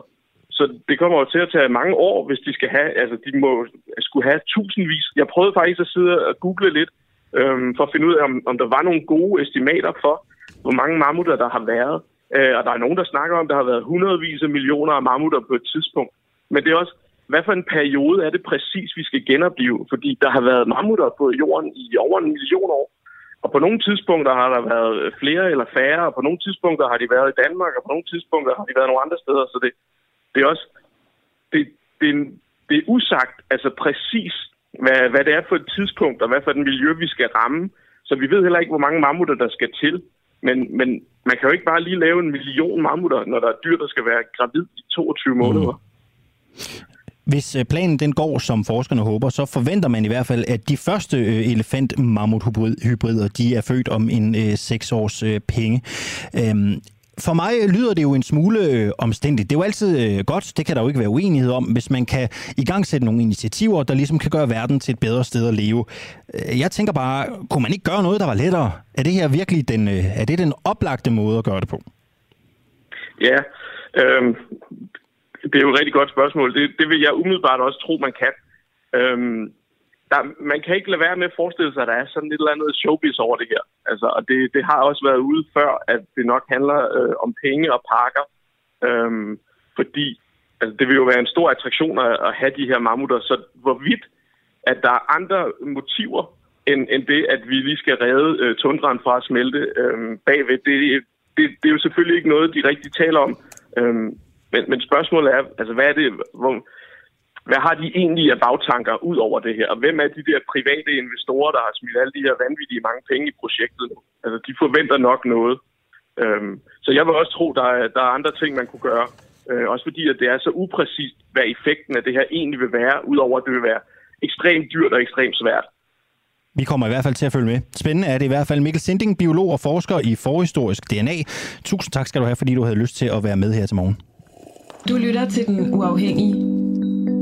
Danmarks måske mest kritiske, nysgerrige og levende taleradio. Som politikerne ikke kan lukke. Mere end 3.000 medlemmer støtter os allerede, og jo flere vi er, jo mere og jo bedre journalistik kan vi sende ud til dig. Se hvordan du kan støtte os. Gå ind på duah.dk.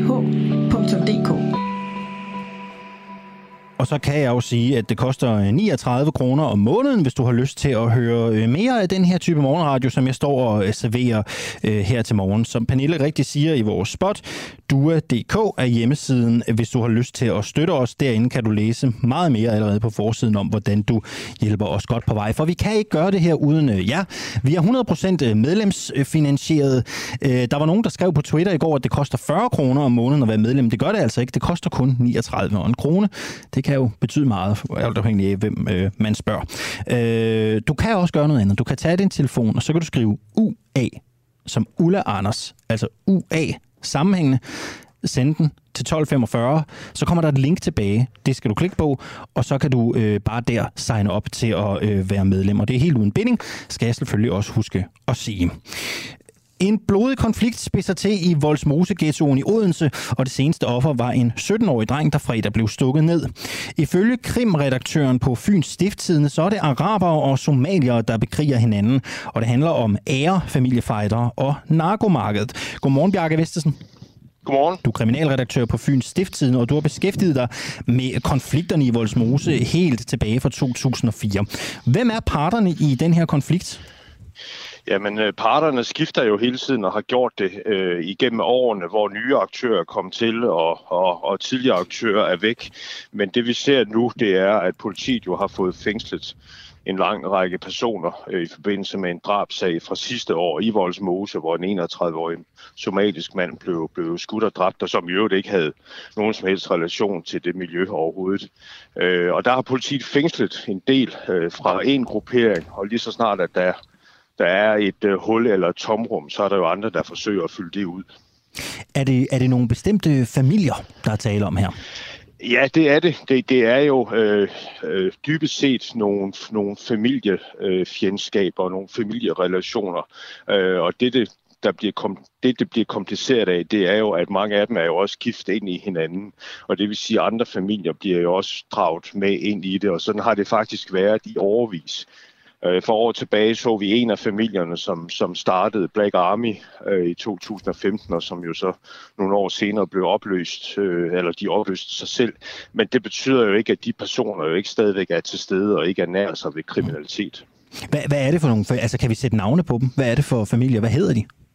Nej, jeg synes ikke, jeg vil, jeg vil sætte navn på familierne. Man kan sige, det er almindeligt kendt i mm. Voldsmose, hvem, hvem de familier er. Øh, jeg, jeg sætter ikke navn på dem i, i, uh, i, i de uh, avisspalter, uh, som jeg skriver til.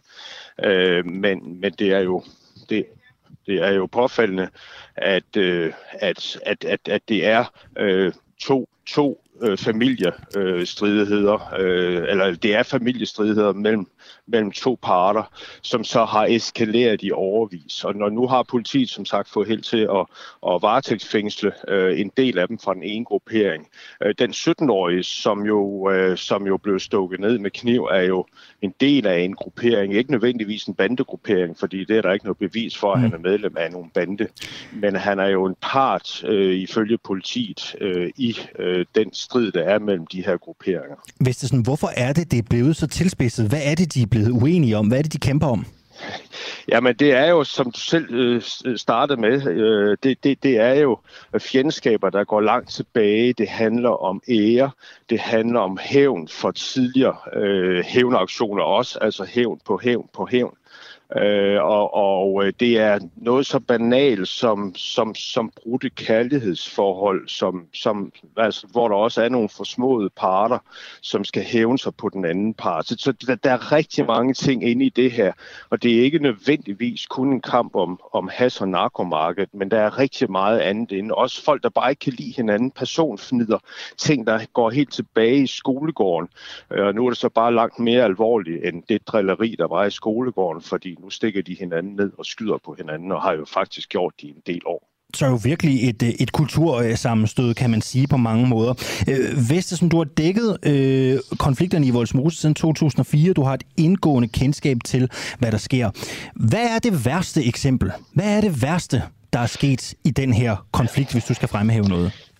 Jamen, det, det, det, det absolut værste var øh, den øh, i august øh, sidste år, hvor en 31-årig somalisk mand kom hjem øh, sent om aftenen ved 23-tiden og parkerede sin bil i, i den bebyggelse, der hedder Egeparken. Og lige præcis på det tidspunkt var to grupperinger, Voldsmosegruppen og Korslykkegruppen, øh, ved at skyde på hinanden.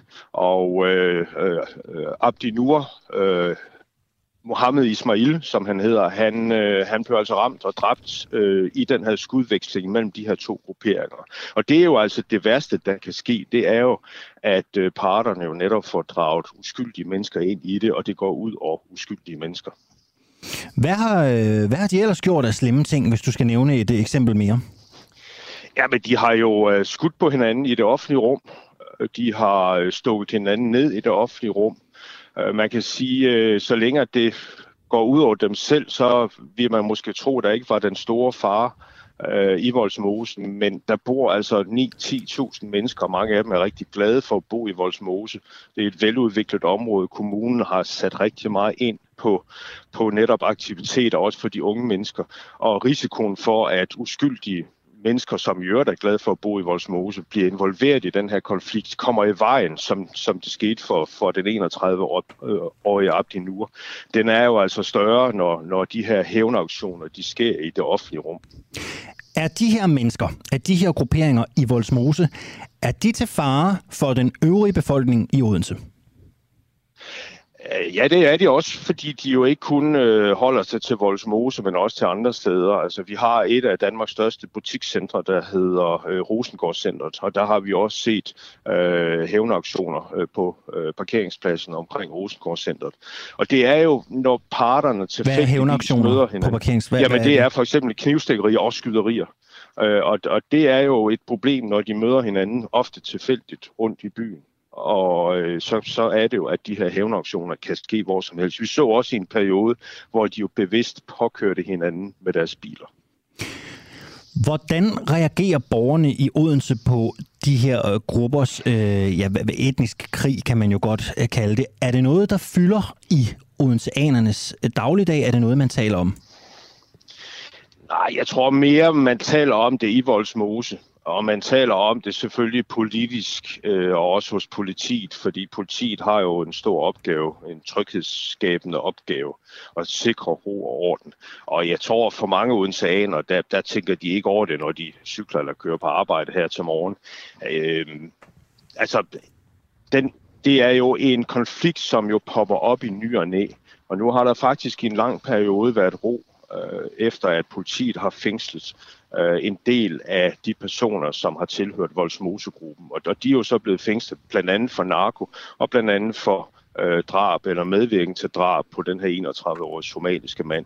Og det hul, der så er blevet skabt, det ser en gruppe af somalier så som en mulighed for at komme ind og hvad skal man sige, positionere sig, magtpositionere sig, øh, øh, fordi der er det her tomrum. Man kan egentlig sammenligne det med, at hvis der er en ledig byggegrund i byen, hvor der skal bygges et supermarked, så gælder det for Netto og Rema 1000 om at komme først, for ikke at lade konkurrenten komme til.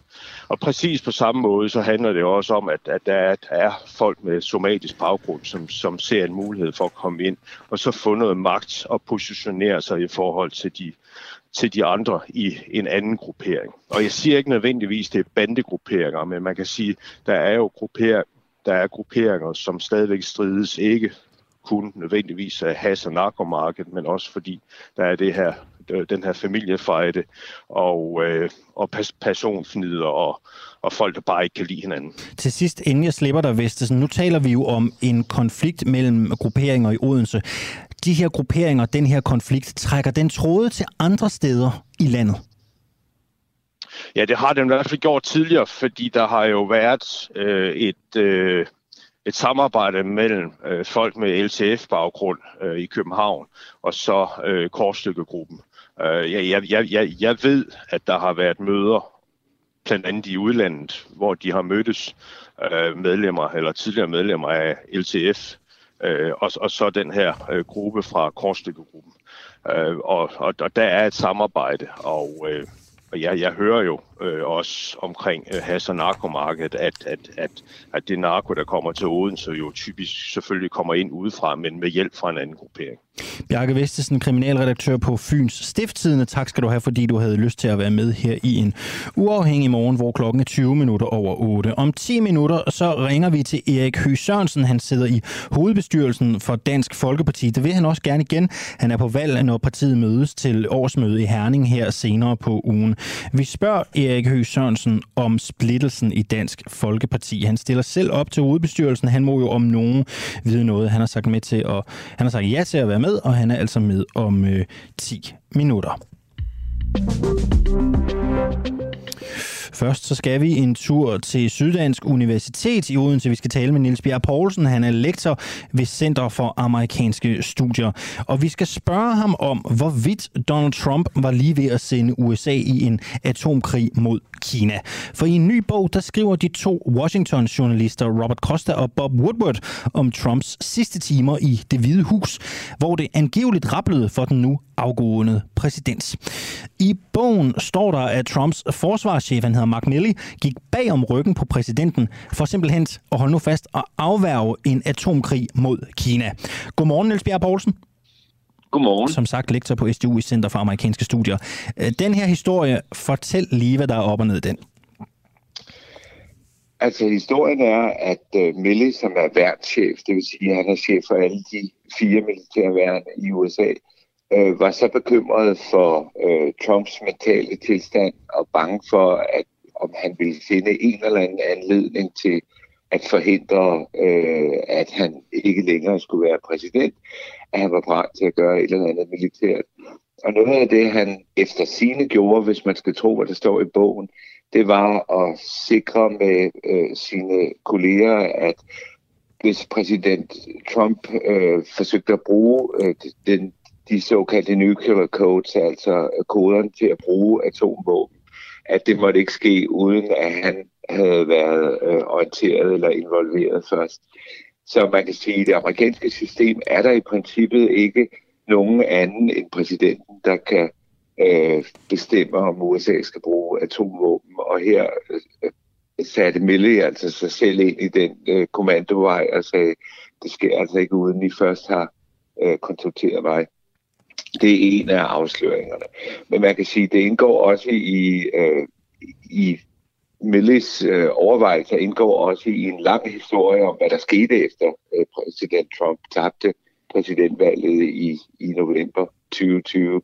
Forsøgene på at få omgjort resultatet, forsøget på at få Justitsministeriet til at erklære, at der havde været snyd ved valget, de mange retssager, der blandt andet er rundt omkring.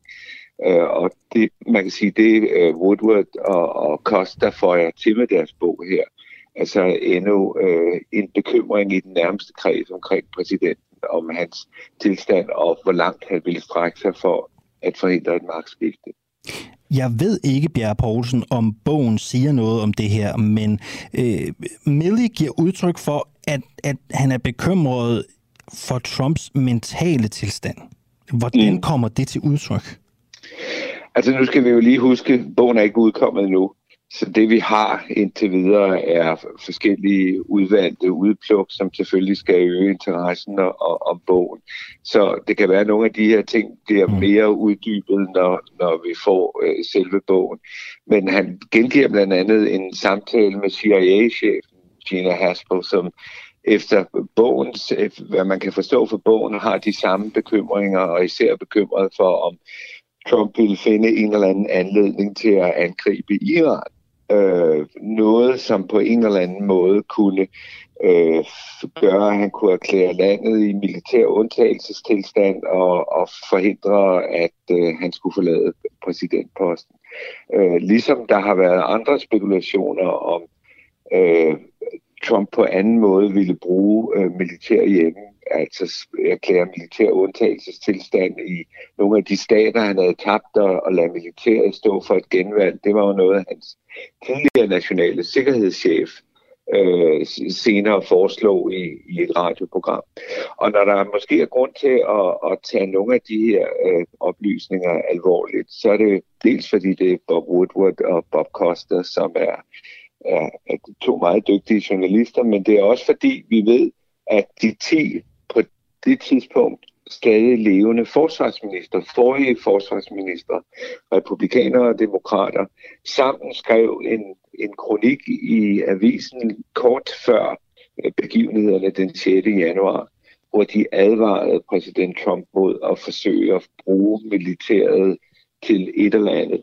Og det var ikke klart dengang, på hvilken baggrund de følte sig tilskyndet til at skrive sådan en, en, øh, en, en kronik, men man havde altså samlet 10 forsvarsminister øh, til at, at skrive den her, den her advarsel, og de må formodentlig have vidst et eller andet, eller haft mistanke om noget, som gjorde, de synes, det var en god idé at gå offentligt med sådan budskab det er jo, øh, nu taler jeg bare lige for hoften, det er jo fuldstændig vanvittigt, hvis der bliver udgivet en bog, hvor der bliver spekuleret i, om Trump var villig til at sende USA i atomkrig med Kina eller Iran, simpelthen for at blive siddende øh, ved magten. Det er jo helt absurd. Jeg, jeg ved ikke, hvor, jeg, jeg ved ikke, hvor, hvor, altså, hvor, hvor bogstaveligt man skal mm. tage det med atomkrig. Man kan sige, det Mille gjorde efter sine var at kontakte sin kinesiske modpart for at forsikre ham om, at uanset hvad han så i nyhederne, så var øh, USA et stabilt demokrati, og der ville ikke ske et eller andet pludseligt og uoverlagt. Og det var vel ud fra en idé om, at kineserne kunne være alvorligt bekymrede for, ja. øh, hvordan øh, præsident Trump ville reagere, og hvad han kunne finde på at gøre. Hvis den her bog kommer ud, altså det gør den jo helt sikkert, men hvis noget af det, der bliver sagt her på forhånd, ligesom øhm, holder vand, så tænker jeg jo også lidt, at det må sætte nogle bevægelser i gang øh, hos republikanerne, hos den amerikanske befolkning generelt. Øh, Bjerre Poulsen, hvad, hvad kan det få for konsekvenser for, for Trump? Det ved jeg ikke, man kan sige. Det, det som allerede er et kritikpunkt, måske mod bogen og mod Millie, øh, vi ser forskellige typer reaktioner allerede. Nogle siger, øh, det var godt at vide, der var øh, folk på øverste plads, som øh, på en eller anden måde sikrede, at, at det her ikke løb helt af sporet. Øh, det kunne have været værre. Øh, der er også beretninger om vicepræsident Mike Pence, som var alvorligt i tvivl om, hvad han skulle gøre med det pres, Trump lagde ham under for at øh, aflyse valgresultatet. Det var jo det, alt det, der skete på den dag, øh, 6. januar, hvor kongressen blev, blev stormet, og hvor han havde samtaler med tidligere vicepræsident øh, Dan Quayle, som sagde, der er absolut intet, du kan gøre. Du skal ikke engang tænke på, Jamen, og, og, og Pence siger, jamen jeg er under et voldsomt pres fra Trump, som hele tiden vil have, at jeg skal gøre et eller andet for at få aflyst øh, certificeringen af, af af, af valget. Så, så man kan sige, at den ene historie er den om, at der altså var en masse folk, som forsøgte at, at gøre noget for, at der ikke kunne, øh, demokratiet ikke kunne løbe af sporet.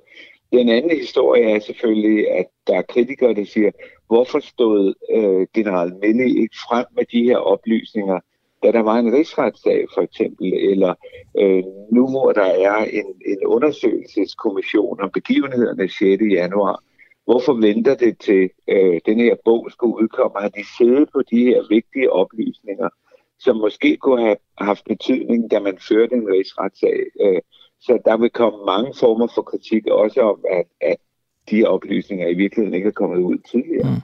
Hvad kan sådan en som Mille risikere?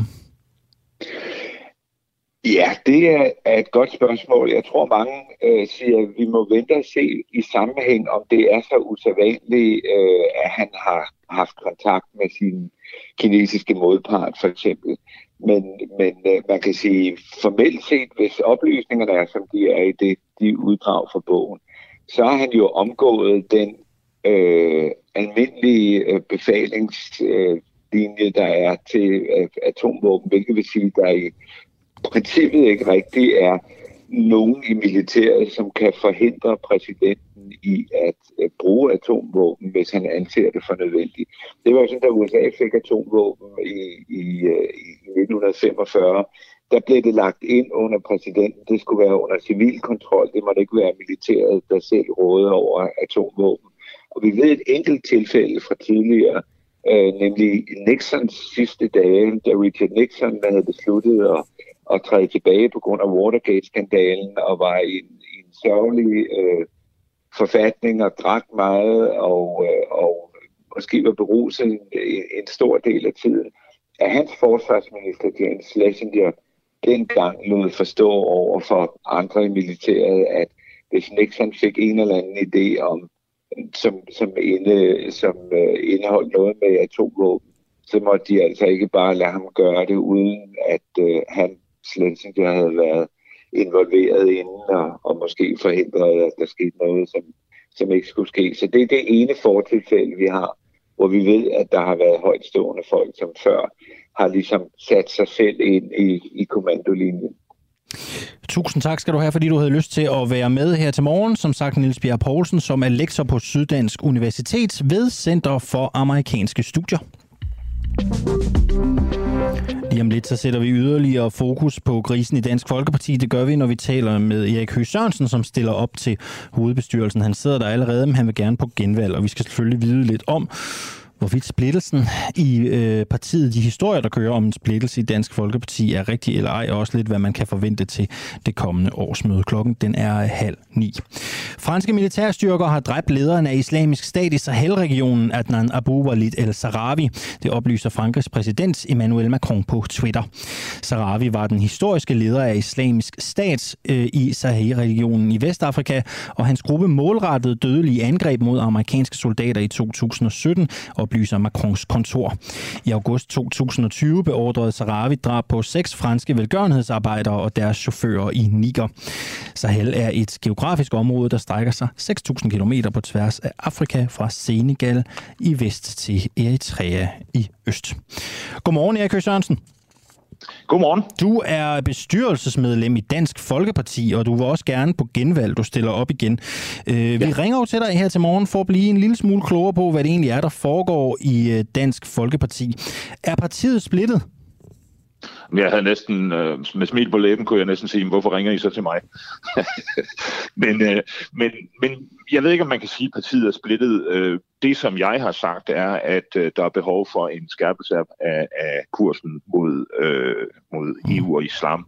Og øh, det, er, øh, det, det står jeg ved, fordi jeg tror simpelthen, at den parlamentariske situation nu er sådan, at hvis ikke vi grider, griber ind over for den her stigende islamisering, for eksempel af udlændingestyrelsen, ja, så går det rigtig galt, ligesom i Frankrig og England og Sverige. Øhm, så, så jeg ved ikke, om ordet splittelse er det rigtige ord, fordi et hvert parti på et hvert tidspunkt videreudvikler jo sin øh, politik, og det jeg siger nu er ikke nødvendigvis nogen kritik af det, der er gået forud. Jeg kan bare se tegn i sol og måne på, at nu skal der gribes ind. Mm-hmm. Øhm, kursen skal øh, justeres, hører jeg dig øh, sige. Det Martin Henriksen har været ude at sige, der blev jo øh, offentliggjort en video øh, fra Nordjylland, hvor han havde været op og sige noget om, at man skulle kigge på, på udlændingeretningen i Dansk Folkeparti. Er du enig med det, Martin Henriksen han siger? Ja, fuldstændig. Det er du fuldstændig enig i. I øvrigt er han ikke noget væsentligt nyt deroppe, og og man kan sige, det, det, det giver jo i hvert fald noget, der satte ild i lokummet, kan man sige.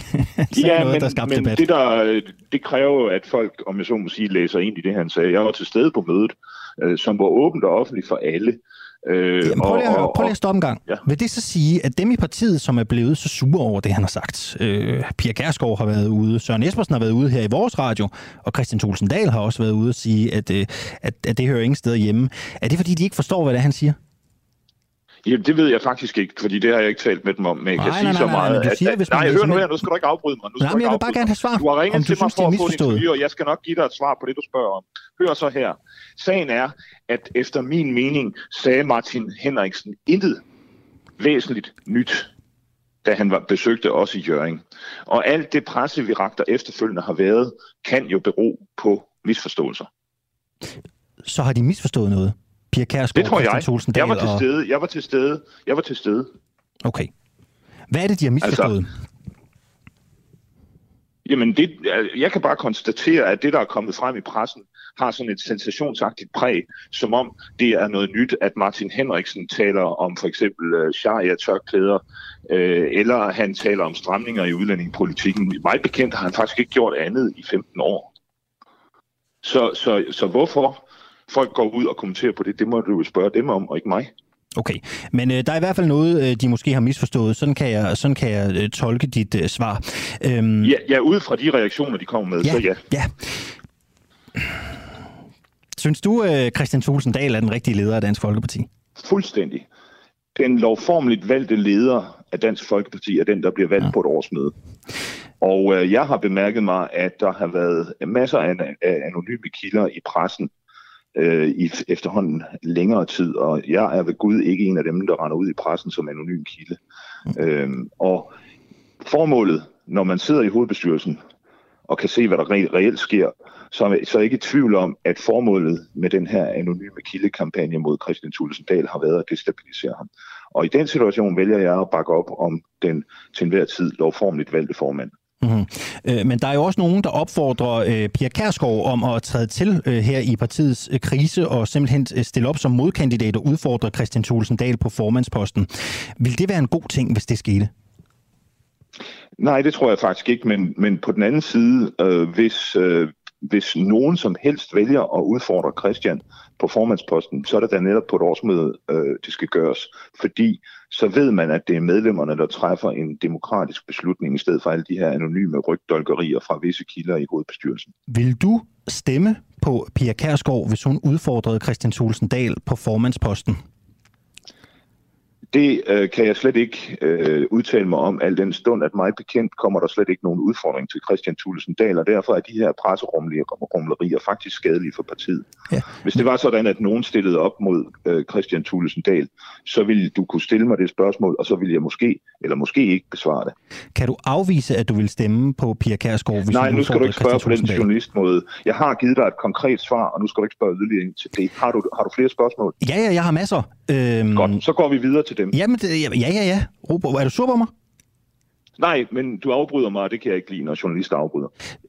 Det er bare fordi, jeg prøver at få øh, de bedst mulige svar. Men lad os prøve, Det ved prøve jeg, godt, skal men nok, det jeg bedst nok mulige svar i mit tilfælde, jeg har 25 års erfaring fra journalister, når jeg, fra, fra journalistik, og når jeg giver et svar og mener, at det er det bedst mulige, jeg kan give i situationen, så er det bare med at komme videre. Det kan godt være, at jeg er en dårlig journalist. Jeg har ikke så meget erfaring. Nej, det, det har jeg ikke sagt. Det har jeg ikke sagt. Det har jeg ikke sagt. Okay. Muligvis ville jeg have gjort det samme i din situation. Okay. Men nu er jeg på den anden side af bordet. Nu er jeg politiker, og jeg svarer dig så præcis, som jeg kan. Det er i orden. Øh, prøv, jeg spørger simpelthen en gang til, og så må vi tage konsekvensen af det.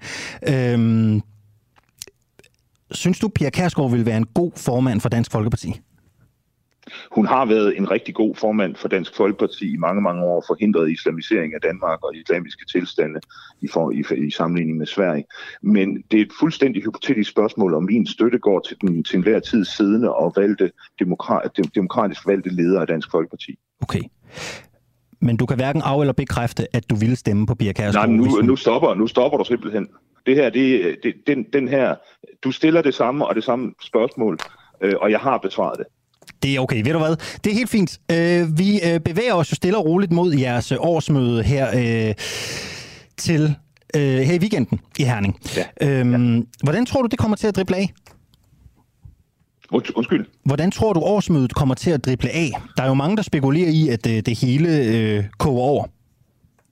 Det tror jeg faktisk ikke, men det er jo meget naturligt, nu kan man kalde det strid, for, og, og hvad ved jeg, det, det bliver kaldt i, i pressen, og meget naturligt, at et parti øh, har nogle idéer, eller forskellige dele af partier, forskellige medlemmer har nogle idéer til, hvordan partiet skal udvikle sig. Og det er typisk det, man afklarer på et øh, årsmøde. Og det kommer til at ske fuldstændig demokratisk, for så vidt øh, valget til hovedbestyrelsen, hvor jeg jo selv stiller op.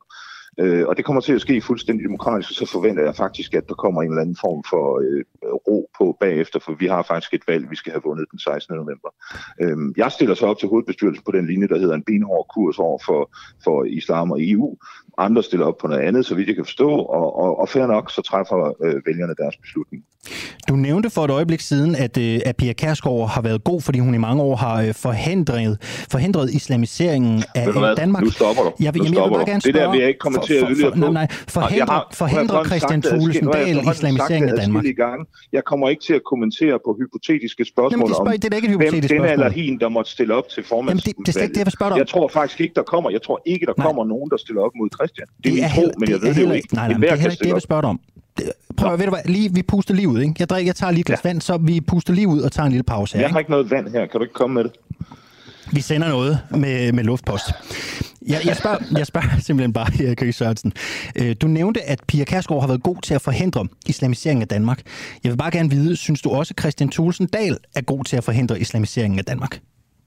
Ja, det synes jeg faktisk. Men jeg mener, at tiden er kommet nu øh, til at, og, øh, og, og, og sørge for, at, at, at den her, altså ikke, man kan kalde det, jeg skal kalde det islamisering, men, men der er for eksempel i Udlændingsstyrelsen tegn på, at der sidder politiserende embedsmænd, for eksempel af afghansk herkomst, som, som klart øh, overtræder deres beføjelser ved også at være aktive øh, og aggressive medlemmer af det radikale venstre.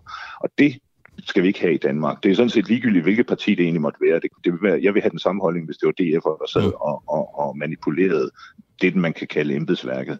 Øh, men tilbage til dit spørgsmål, jamen ja, det mener jeg faktisk. Når jeg siger, hvad jeg siger, at nu skal kursen strammes klokken 5 minutter i 12, så er det ud fra en læsning af det nuværende politiske landskab, hvor vi kan se vores gamle alliancepartnere, Venstre og Konservative, være med til at lave en, et, en, et politisk cirkus af en øh, rigsretssag mod Inger Støjberg. Det, det fortæller mig, at så skal vi skærpe linjen, fordi det er en, en uacceptabel øh, krænkelse af magtens tredeling, det der foregår lige nu i rigsret. Der er super mange ting, jeg gerne vil spørge ind til i det, du lige sagde. Men det gør vi en anden dag. Det kan vi gøre efter på søndag. Vi sender også en over. Vi, vi hiver nok fat i det der. Sidste spørgsmål. Det skal I være velkomne til. Sidste spørgsmål, så lad dig slippe. ja. Hvis din fløj taber til hovedbestyrelsesvalget. Jeg har ikke nogen fløj. Jeg, Nej, har ikke nogen så fløj. jeg kommer sige- med nogle forslag. Jeg kommer med nogle forslag til, hvad DF's politik skal være. Så kommer jeg med nogle organisatoriske ja. forslag, som jeg ikke har offentliggjort endnu. Kommer på min Facebook. Og, øh, og så får vi se, om, om DF's medlemmer øh, er med på den, eller de ikke er. Det er i virkeligheden ikke så meget et spørgsmål Nej, om mig, som det er et spørgsmål om, hvor, hvor partiet skal bevæge sig hen. Og, og der er jeg meget glad for, at dem, der har chancen, altså de delegerede, som kan vælge, det bliver demokratisk. Men hvis nu hverken du eller Martin Henriksen øh, får en plads i hovedbestyrelsen, kunne du så finde på at melde dig ud af Dansk Folkeparti? Nej.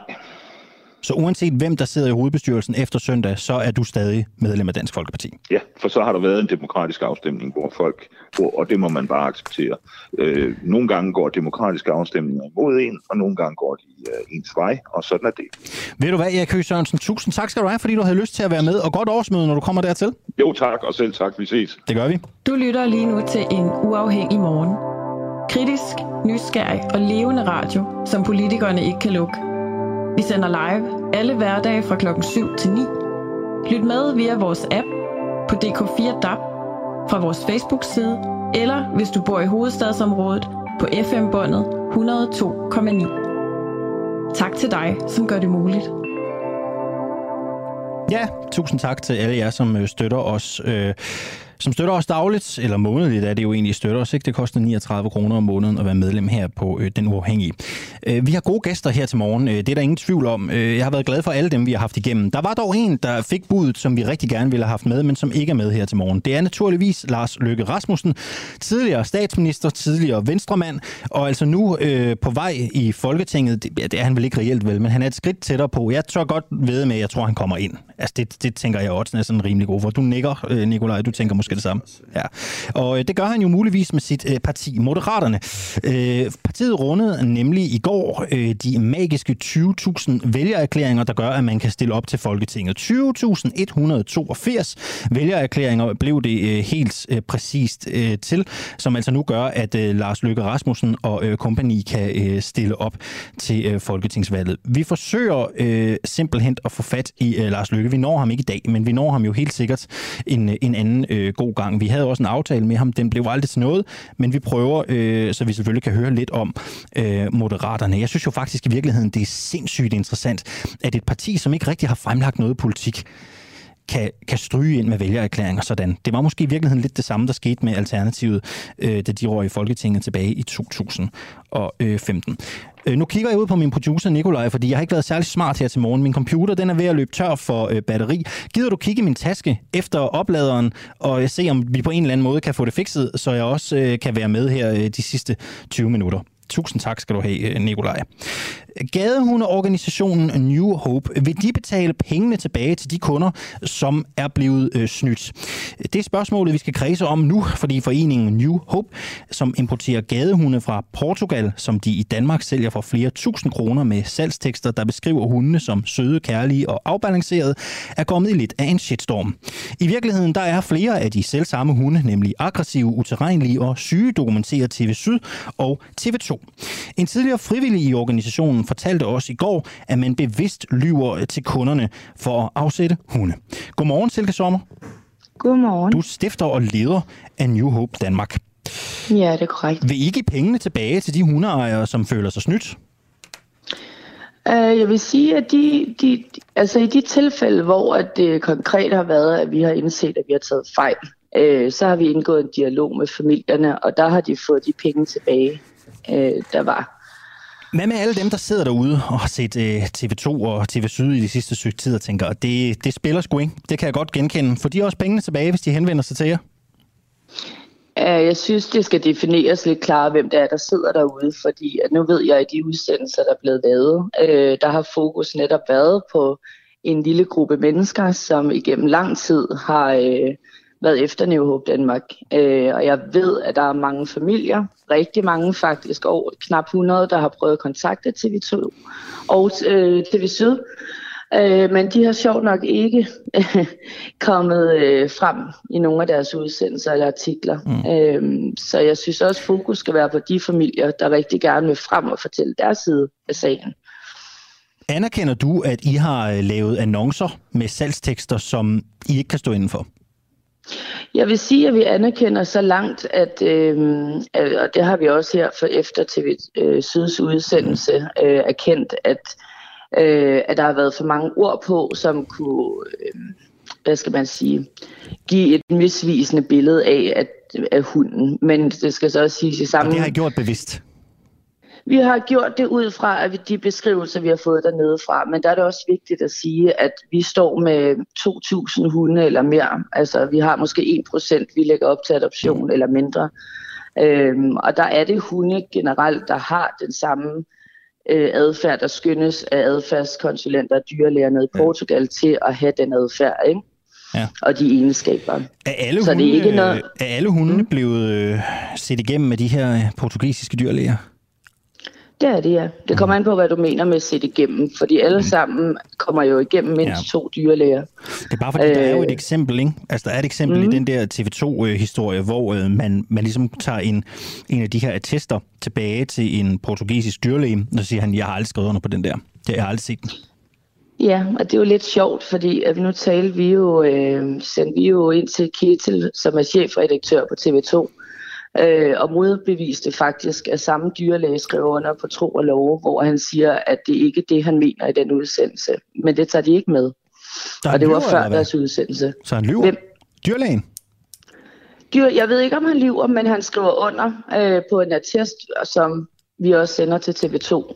øh, inden udsendelsen bliver sendt, hvor han simpelthen okay. skriver, at han skriver under på tro og lov, at, at det ikke er det, han mener i deres udsendelse. Jeg kan ikke sætte mig til dommer for, hvem der lyver og hvem der ikke lyver, men jeg ved, at den er test af samme dyrlæge for tre år siden, øh, og han skriver under på, at det ikke er det, han mener i deres udsendelse, og det er ham, der har skrevet under dengang. I er en, øh, det har jeg egentlig også lyst til at spørge dig om, I er jo en non-profit organisation. Ja. Øh, det kan du bekræfte. Mm, det Så, kan så, jeg. ja. Så der er ikke nogen penge, der, der, der går til, til andet end... øh, Altså, der er ikke nogen penge, der ryger ned i lommerne. Nej, det er ulovligt. Kan du fremvise et regnskab? Det kan vi godt, ja, til de rette myndigheder. Ved du og det? jeg ved også, jeg, jeg vil sige det sådan, at blandt andet Stephanie det sidste år, og så har vi haft en, mange af dem, der også er i samme gruppe. Ved du, hvad, Øh, det, de tager har vi lige os- det tager vi lige om lidt. Ja, okay, Vil du, vil, du frem, vil du fremlægge et regnskab, som dokumenterer, at der ikke er nogen penge, der eksempelvis ryger ned i din egen lomme? Det vil vi gerne til myndighederne, ja. Men du vil ikke her til pressen? Nej, det vil vi Nej, ikke, fordi det, ikke. det har vi set blevet fordrejet mange gange før. Fordrejet. Altså, hvis, hvis, vi, hvis vi må se det, og der ikke er noget mm. som helst i det, så, mm. så lover jeg, så, så fremlægger vi det bare som det er. Vil du vise os regnskabet, der, der, der kan slå fast en gang for alle, at de ikke tjener penge på det her, at de, at de er en non-profit organisation? Altså, vi er absolut åbne for, at der kan komme en fra jeres redaktion og se de regnskaber, ja. Godt. Ved du hvad, det tror jeg da gerne, vi vil. Det er Det helt skal I noteret. være velkommen til. Super. Ved du hvad, det, det, det, det taler vi lige om bagefter. Mm, øhm, ja. Silke Sommer, øh, men mm. når, man ser de her, øh, når man ser de her dokumentarer, når man læser de her historier, så Mm. får man indtrykket af, at der er rigtig mange, der sidder derude. Også når man taler med frivillige, vi talte med, med Stefanie i går, øh, så får mm. man indtrykket af, at... Øh, at det her jo er en, en, en, en pengemaskine. Altså, at, at I får hundene op, så kommer de ud til ejerne, øh, mm. og så kan man godt få indtrykket af, at når ejerne oplever problemer med de her hunde, så, så, er, det utro, så er det svært at komme i, i kontakt med jer. Der er også nogen, der siger, at hvis deres hunde har, har bidt andre hunde eller bidt mennesker, så er der nogen, der vil have dem aflivet, men I f- vil sende dem i fodretten, hvis de gør det, øh, give dem en bøde. Altså, hvordan har du det med, at der er så mange, der til synligheden er utilfredse med jeres service i New Hope? Jeg var inde og læse jeres anmeldelser på, på Trustpilot her til morgen. Det, mm. det ser sgu sort ud, altså. Hvordan har du det med det? Altså jeg vil sige, nu kan man jo dele det op i to. Nu siger du, der sidder mange mennesker, der, øh, der ikke føler, de får hjælp. Mm. Men nu kan jeg jo så sige, at der er omplaceret en del hunde gennem tiden i tre på tre år. Ja. Øh, og jeg kan finde mindst lige så mange, eller mange flere, der faktisk vil udtale, at vi har hjulpet dem Men enormt meget. Sommer, hvorfor kan jeg ikke gå ind og skrive på jeres Facebook-side eksempelvis? Hvorfor har I blokeret for kommentarer fra folk, som måtte have lyst til at skrive noget om deres sager derinde? Jeg kan ikke gå derind og skrive, jeg har ikke noget med jer at gøre. Hvorfor har I blokeret Nej. kommunikationen? Øh, fordi at lige nu, så tror jeg, at vi alle sammen godt ved, hvordan det er at være en shitstorm. Så lige nu synes vi, at det vigtigste er, at, øh, Men hvis I ikke har noget, simpelthen... hvis I ikke har Nej, noget prøv lige at lade mig tale nej, men hvis I ikke har noget at klemme, hvorfor så lukke folk udefra at komme i kontakt med jer? Fordi at vi er jo kun en række frivillige. Hvis vi skal kunne nå at sidde og, og give vores modsvar, for vi har ikke noget talerør i medierne, som den gruppe folk har, så bliver vi simpelthen nødt til at komme ud med vores modsvar, og så kan folk kontakte os. Og vi tænker også, at for I har ikke eksempel noget som tale og der er der masser, der gerne vil høre jeres side af sagen. Altså det har jeg Ah, også læst. hvem? Det har, jamen, det, øh, øh, vi har prøvet, nu stiller du så heldigvis op. Jeg antager Mhm. mm-hmm. også, øh, TV2 har vel også gerne vil tale med jer, TV Syd har gerne vil tale med jer. Det er to medier, der vil tale, men hvor alt er blevet manipuleret, ja. Men der er ikke andre endnu, men det arbejder vi stærkt på, at der er andre medier, der kommer ind i det her. Alt er blevet manipuleret. Øh. Synes du, det her interview har været manipuleret? Nej, jeg sagde TV2 og TV Syd. Okay, de har manipuleret. Hvad er det, de har manipuleret, TV2 og TV Syd? Et Der er mange eksempel. eksempler. Hvad er det værste eksempel, de har manipuleret? Det værste eksempel, øh, det vil jeg sige, at det regnes, et regneark, de lægger op med, fra Stephanie Carlsen og bygger en hel udsendelse på det. Øh, det synes jeg er dybt manipulerende. Øh, og så er der det med, at de også, og det gør vi dem opmærksom på, øh, mener, at hele det der dokument, øh, hvad hedder det, det fremlægger det, eller det sender de i deres udsendelse, som om, at vi har lavet øh, dokumentfalsneri. Øh, og det er en rimelig strafbar øh, beskyldning. Ikke? Men øh, nu får vi jo sige, lov til, ting. og, nu får vi jo lov til at kigge i øh, regnskaberne, så, så, så kan vi jo få klarhed over det øh, for en gang Mhm. øh, skyld. Mm. Silke Sommer, Men det ligger jo sidst- stadigvæk derude, ikke? Altså, Oh, nu, nu, så- øh, vi skal ja. nok, øh, vi skal nok øh, øh, behandle det, øh, behandle det fornuftigt. Mm. Silke Sommer, her til sidst. Fors, kommer ja. I til at fortsætte den praksis, I kører i New Hope øh, Danmark nu, eller har det her fået jer til at ændre jeres procedurer? Kort altså jeg vil sige, øh, allerede før, ja, allerede før det her, der var vi allerede mere ops på, at der er nogle adoptanter, som vi ikke skal adoptere til, og at vi allerede øh, har en gruppe af frivillige, der sidder og arbejder på det. Øh, så ja, det er helt sikkert, at vi tager også kritik til os, og vi prøver altid at forbedre os, og det har vi gjort de sidste tre år, faktisk. Øh, så helt klart jo sagde Silke Sommer, som er stifter og leder i New Hope. Vi hiver lige fat i dig øh, efter udsendelsen igen. Tusind tak skal du have, fordi du havde lyst til at være med. Klokken den er syv minutter ind i. Du lytter lige nu til en uafhængig morgen. Kritisk, nysgerrig og levende radio, som politikerne ikke kan lukke. Vi sender live alle hverdage fra klokken 7 til 9. Lyt med via vores app på DK4 DAB, fra vores Facebook-side, eller hvis du bor i hovedstadsområdet på FM-båndet 102,9. Tak til dig, som gør det muligt. I dag klokken kvart over 10 skal justitsminister Nick Hækkerup og erhvervsminister Simon Kollerup i samråd om gældsskandalen i Danske Bank. Banken har måske opkrævet forkert gæld i tusindvis af sager, og Folketingets erhvervsudvalg mener, at de to ministre, der havde ansvar for området, blot har set til uden at gøre noget. Godmorgen, øh, Sten Holm. Godmorgen. Du er journalist på TV2 og har dækket sagen intensivt. Det her det bliver øh, en, øh, en, øh, en, et, et relativt snabt interview. Vi har 6 minutter. Ja, det er jeg ked af, fordi tiden er bare stukket afsted for os her til morgen. Men Sten, start med lige at rise Danske Banks gældskandale kort op. Jamen, jeg skal prøve at gøre det kort. Det er jo en ekstremt omfattende sag, som vi kun har taget om, så siden vi fra knap et år øh, tilbage på Berlingske TV2 afdækket den her sag. Og kort og godt handler det om, at, at banken i årtier har kendt til, at man har haft et gevaldigt rod i sit... Øh, i sin gældsafdeling, betyder, at man simpelthen har kommet til i, i lang række tilfælde at opkræve for meget gæld øh, for de her gældskunder, der har været i den her kasseafdeling. Og så efterfølgende er der kommet et hav af andre øh, øh store øh, skandaler til. Øh, banken har haft en intern instruks, hvor man har lavet de her øh, gældskunder betale overpris til deres egen ejendomsmælder Home. Øh, vi har set, hvordan man har sendt forkerte gældsoplysninger til tredje. Man er altså sendt ud til en kassebureauer, som på vegne af banken har opkrævet forkert gæld, øh, osv. osv. De kommer til at indsende forkert oplysninger til skat. De kommer til her senest at og så øh, indsende ekstremt store mængder øh, af sager forkert til rets øh, til domstolen i Danmark. Så det er sådan en, en sag, en snibbold, der bliver ved med at rulle, og den bliver større og større, og ja, det, det giver meget arbejde til sådan nogen som os. Og lad os så se på den politiske side af sagen. Erhvervsminister Simon Kollerup og justitsminister Nick Hækkerup, de sidder i henholdsvis Erhvervsministeriet og Justitsministeriet. Øh, har de et medansvar? Ej, det, er jo, det er jo svært at sige, om de steder har et medansvar. Man kan sige, at altså Simon Kollerup gik fra starten af øh, øh på sagen, og har jo også over tid udtalt både kritik til sit eget bagland finanssynet, fordi de ikke helt har forstået omfanget, egentlig forstået, hvad der foregik i Danske Bank. Så har man senere så øh, krævet en, en uvildig undersøgelse, hvor der så sidder nogle ja, kammeradvokaten og KPMG sidder ligesom og kigger Danske Bank lidt over skulderen i forhold til, om, om det, de nu gør nu, øh, er det rigtige. Ikke? Hvilke konsekvenser kan den her sag have, øh, hvis vi ser sådan økonomisk først, og så strafferetsligt på den? Ja, altså det økonomiske er jo stadig et, et kæmpe spørgsmål, fordi øh, at, at, at den sagen er på, er på ingen måde færdig nu. Den ruller jo stadig, men man kan sige, at banken har til at starte med sat 400 millioner af til det, da man ligesom mener, at, øh, at det er det, som, som sagen kommer til at koste, dels i at betale penge tilbage til de her kunder, dels i forhold til advokat, honorarer øh, osv. Øh, så det er stadig svært at danse et overblik over, men man kan nok sige, at det kommer nok ikke til at være under øh, de her 400 millioner, der kommer til at koste for banken. Så er det strafferetlige, det kan man sige, det vi fik adgang til blandt andet, var jo en, vurdering, som øh, Danske Bank fik lavet af Plesner. Og der vurderede de simpelthen, at det her med at indsende forkerte oplysninger til domstolene, velvidende, at, at de her oplysninger kunne være forkerte, det, er, det kan sådan set være strafbart. Og i værste øh, fald kan det betyde, at, at øh, chefer, de ansatte, de konkrete ansatte, der har sendt de her ting ind til domstolen, faktisk kan ifalde et strafansvar. Og så er der også i forhold til, at de også kan, kan få bøder. Og det er ligesom der, hvor den står nu. Øh, ja.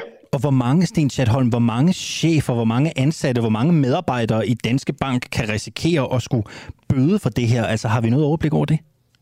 Ja, altså vi har et overblik over i hvert fald, hvor, hvor mange chefer vi har kunne se, der ligesom er blevet orienteret over tid, og det var en, en, en god håndfuld øh, chefer.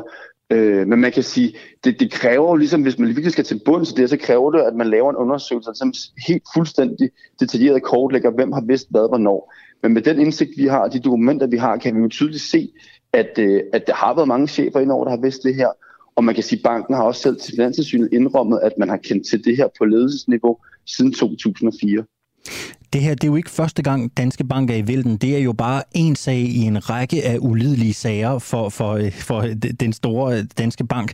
Hvor meget kan den bank tåle, fristes man jo efterhånden til at spørge. Altså, hvad, hvad, kan, man, hvad kan man rumme som organisation? Ja, det er et virkelig godt spørgsmål. Altså man kan jo se, at Voxmeter har jo været senest været ude og, og give banken bundkarakter i forhold til image og i forhold til, til kundeflugt. Der toppede de så også øh, listen. Så man kan sige, om det lige skyldes den her isolerede sag. Jeg tror, det skyldes at mange, en lang række faktorer, men det er klart, der bliver ved med at komme dårlige sager om banken. Øh, og så de har svært ved ligesom måske at komme med, frem med de positive historier, der så selv nok også er. Men, men det gør jo, at, at det, det er en bank, der ligesom er, bliver ved med at, at slæbe de her øh, øh møgssager efter sig. Og, og det er jo interessant at se, ligesom, hvor lang tid det tager for dem at kunne vende den skud. Men til videre må man sige, de gør det heller ikke nemmere for sig selv, men der hele tiden kommer ny udvikling, og, og blandt andet den her sag, den bliver ved med at vokse, som den gør. Tusind tak skal du have, Sten Schatholm. Du er journalist på TV2. Tak for den øh, lynindføring i øh, sagen. Tak, god dag. Og så er der ikke meget mere tilbage for en uafhængig morgen øh, i dag. Vi er tilbage igen i morgen, når klokken er syv, og jeg lover, vi skal nok øh, holde øh, vi skal nok holde fast i, at vi ringer til Silje Sommer og høre, om vi ikke må få lov til at se regnskaberne i New Hope Danmark. Det kunne der ligge en interessant historie i. Øh, redaktionen i dag bestod af øh, Pernille Grønning og Nikolaj Jul. Jeg hedder Alexander Vilstoransen, og vi er tilbage igen i morgen, når klokken den bliver syv. Og så lad os slutte af med et lille digt fodret med delfin og ejeren åd hjernen, springfjedre, har han skreg kraven. Tak til Sten Lilja for det digt, og tutelu, og på genhør i morgen.